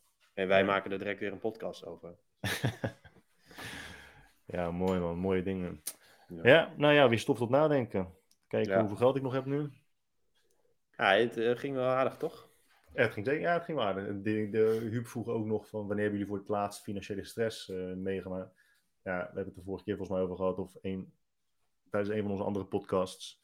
Als je het is relatief, maar als je met groot geld in uh, beleggingen bezig bent, aandelen, crypto, en het gaat de kant op die uh, tegen jouw wensen in is, dan is dat echt heel erg stressvol. Dat is echt erg stressvol. En wat u nu zegt, dat alles geld kost, ja, dat is inderdaad mijn punt over het wonen in West-Europa. Tuurlijk, ik, ik, kan nu zeggen, je kunt niet heel veel dingen doen die gratis zijn. En dan zijn er mensen die zeggen, helemaal wel, kijk maar naar deze lijst van punten. En op vakantie merk je dat ook wel, als je dan een soort van terugkeert naar de basis, los van dat je in een hotel slaapt en uit eten gaat. Het enige wat je dan heel de dag doet, is gewoon een beetje chillen en uh, een boek lezen en uh, praten met je vriendin. Maar die vrijheid heb je voor die paar weken ook gewoon moeten kopen. Alles, alles kost gewoon geld. Echt alles. En daarom blijft jouw, jouw boektitel nog steeds gewoon de beste titel ooit bedacht. Daar had ik laatst met Michael over. Ik denk het beste dat je kunt doen in je leven is in je relatief jonge jaren een land uitzoeken waar de condities om relatief veel geld te verdienen gunstig zijn. Dat je dat doet. En als je dat hebt gedaan, op rond je 40ste, 45ste te verhuizen naar een land waarbij de condities die bijdragen aan je geluksgevoel gunstiger zijn, daar naartoe te verhuizen. Ja. Ik denk dat dat is, dat is, dat is iets wat ik wil gaan doen, denk ik. Ja, goed idee. En eh, zal, er, zal er over tien jaar een nieuwe rijk, een nieuwe arm ontstaan. eh, zoals eh, als, als in zij die crypto's bezitten en het klootjesvolk. Ja, dat, dat heb je nu al hoor. De new rich is echt wel heel anders dan de old rich. Het nieuwe geld, de nieuwe rijken zijn echt heel anders dan, dan, dan de oude. En ik, ik vind dat wel echt een hele mooie ontwikkeling. Ook al, net als die, die Jack Mallers, dat, dat die gewoon altijd in zijn hoodie met zijn capuchon op. En het, het, het niet conformeren aan, nee, als jij een meeting hebt, dan moet je in pak komen opdraven, want dat geeft een beter beeld van jezelf. Dat zijn ook mooie, mooie ontwikkelingen. Ja, maar is ook alweer iets om over te praten. Omdat de, de keerzijde ervan is dat je gewoon een soort van. Hoe zeg je dat? Dat, dat een soort gebruik is. En als iedereen zich daaraan conformeert, heb je een soort van common ground. Waarbij je. Eh, wat een soort basis is voor een goed gesprek. En dan is er altijd weer een of andere mogol met een trui. En die de hele tijd fuck zegt. Die, Nee, dat- zo, ja, kun je, nee, het- dat- zo kun je ja, het ook nee. zien natuurlijk. Toch? Ja, nee, nee, kijk, maar, dan, maar daar, daar, dan hebben we het over twee verschillende dingen, want daar ben ik het helemaal mee eens. Ik wil, ik wil ook, en daar hebben we het vorige keer ook over gehad met Michael toen, met, met taalgebruik. Ik wil uitgaan van menselijke eigenschappen, van wie jij bent als persoon. En de kleding die jij draagt, vind ik niet behorend tot wie jij bent als persoon. Hoe jij praat, hoe jij spreekt, wel. Want, want jij hebt ongetwijfeld dan die, die speech van me gezien bij de Bitcoin Conference. Ja, ik heb wel meer dingen ook van, met hem. eh, ik heb laatst een podcast met hem geluisterd toen dat Strike net was gemaakt. Of laatst zei ik, dat is alweer een jaar geleden volgens mij. Ehm, ja, hij praat gewoon altijd zo. Ja, en da- daar, ben ik ook geen, daar ben ik ook geen fan van. Ik- het is prima als je, als je een non-conformist bent. Ik denk dat wij dat ook wel zijn. Maar om het er zo, altijd zo dik bovenop te leggen en maar gewoon zo te, schelden en denkt dat dat bijdraagt aan iets. Het is prima om jezelf te zijn, om bij jezelf te blijven, om authentiek te zijn. Maar je moet je wel, in ieder geval in gedrag, dus niet zozeer in kleding, ehm, aanpassen naar de temperatuur van de kamer. Mooi gezegd. Mooi gezegd. Nou, dat was helemaal niet mooi gezegd, maar het is in ieder geval wel gezegd. Nee, maar je zei het, je, je intonatie ging zo, zo, zo mooi. Alsof, downs. alsof dit het einde van de podcast is. Zeg maar. Ik heb je hint begrepen, we gaan het afkappen. Ik ben ook echt aan het Ja, dag van, dag nou- van de spoorwegovergang hè, was het vandaag. Oh ja, hebben niet over gehad. Bitcoin is bijna 38.000 dollar. Als we door de 38.000 grens heen gaan, dan gaan we echt richting de 43 à 46.000 dollar. Ik ga dan een klein beetje verkopen. Ehm, want we moeten toch geld op de bank hebben. En we moeten toch eh, rekeningen betalen. En ik ga nog naar Turkije met eh, Doan en eh, zijn vriendin en mijn vriendin. Nice man. Ja, Ik heb ooit een keer met Doan gesproken dat het wel een goed idee was dat, dat ik, ik dan ook naar dat huis ging in, uh, was vlakbij Izmir toch? Verkeerd. Izmir. Maar ik, ik heb dus de, de uitnodiging niet gekregen. Maar ik kijk wel even mijn spam, misschien zit hij daar. Doan. Eh, wat wil ik nog zeggen? Eh, ja, weet ik niet meer. Weet ik niet meer. Nee. Oké. Okay. ik Nou, denk dat we uitgeluld zijn, toch? Oh ja, je moet echt even... Maak, maak een fucking stacking account aan. En eh, de link daarna kun je vinden in mijn Instagram bio. Ja. eh, Jij hebt het ja, gedaan toch, Jammer de Boer? Zeker heb ik dat gedaan. En ik heb het direct ook even aan Jenny gezegd. Weet je, oké, dit is misschien een soort van overtuiging voor mensen om het te doen. Ehm, ik zei tegen Jenny, ik legde het een beetje uit zoals we het begin van deze podcast hebben uitgelegd. En zij ging dus kijken naar al die shops. Toen zei ze, wow, ook dit, ook dit, ook dit. Oké, ik ga dat direct doen. Dat zei ze. Nou, Ja, nice. Ja, maar het zijn ook echt heel veel shops. Heb jij wel mijn eh, affiliate link gegeven? Nee, mijn eigen lul. ja. Ik heb moet je- eh, ik heb, ja, nice. Nice. Ja, dus eh, ja, dat is mooi. En mensen, we hadden geen donaties deze week, helaas. Ik verwacht wel, eh, nee, ik ga het niet zeggen, maar ik verwacht wel een donatie van Huub, omdat we de halve podcast uh, Huub zijn vragen hebben beantwoord. Nee. Uh, mensen kunnen nog steeds doneren op pnui.nl en e-mailadres achterlaten voor als je de, de show notes wil, die ik misschien ga maken. Maar ik heb wel meegeschreven. Ik heb een lijstje van een stuk of twintig, nou, 30 dingen. Zo, jij bent echt aan het tikken geweest. Heb je wel überhaupt geluisterd naar wat ik heb gezegd? Ja, iets, iets, met, iets met orka's. Iets met, mij. iets met kamertemperatuur. Ja, ik zei iets van met, met de temperatuur van een en uh, met een hoodie of zo. Dat jij een hoodie aantrekt als de kamertemperatuur is. Ik nou, heb anyway... weer een uh, stekking uh, inschrijving, dus dat is mooi. Ah, dat, Dat is waarschijnlijk Huub geweest. Ah, dat is nice. Eh, ja. Oké. was. Oké, doei.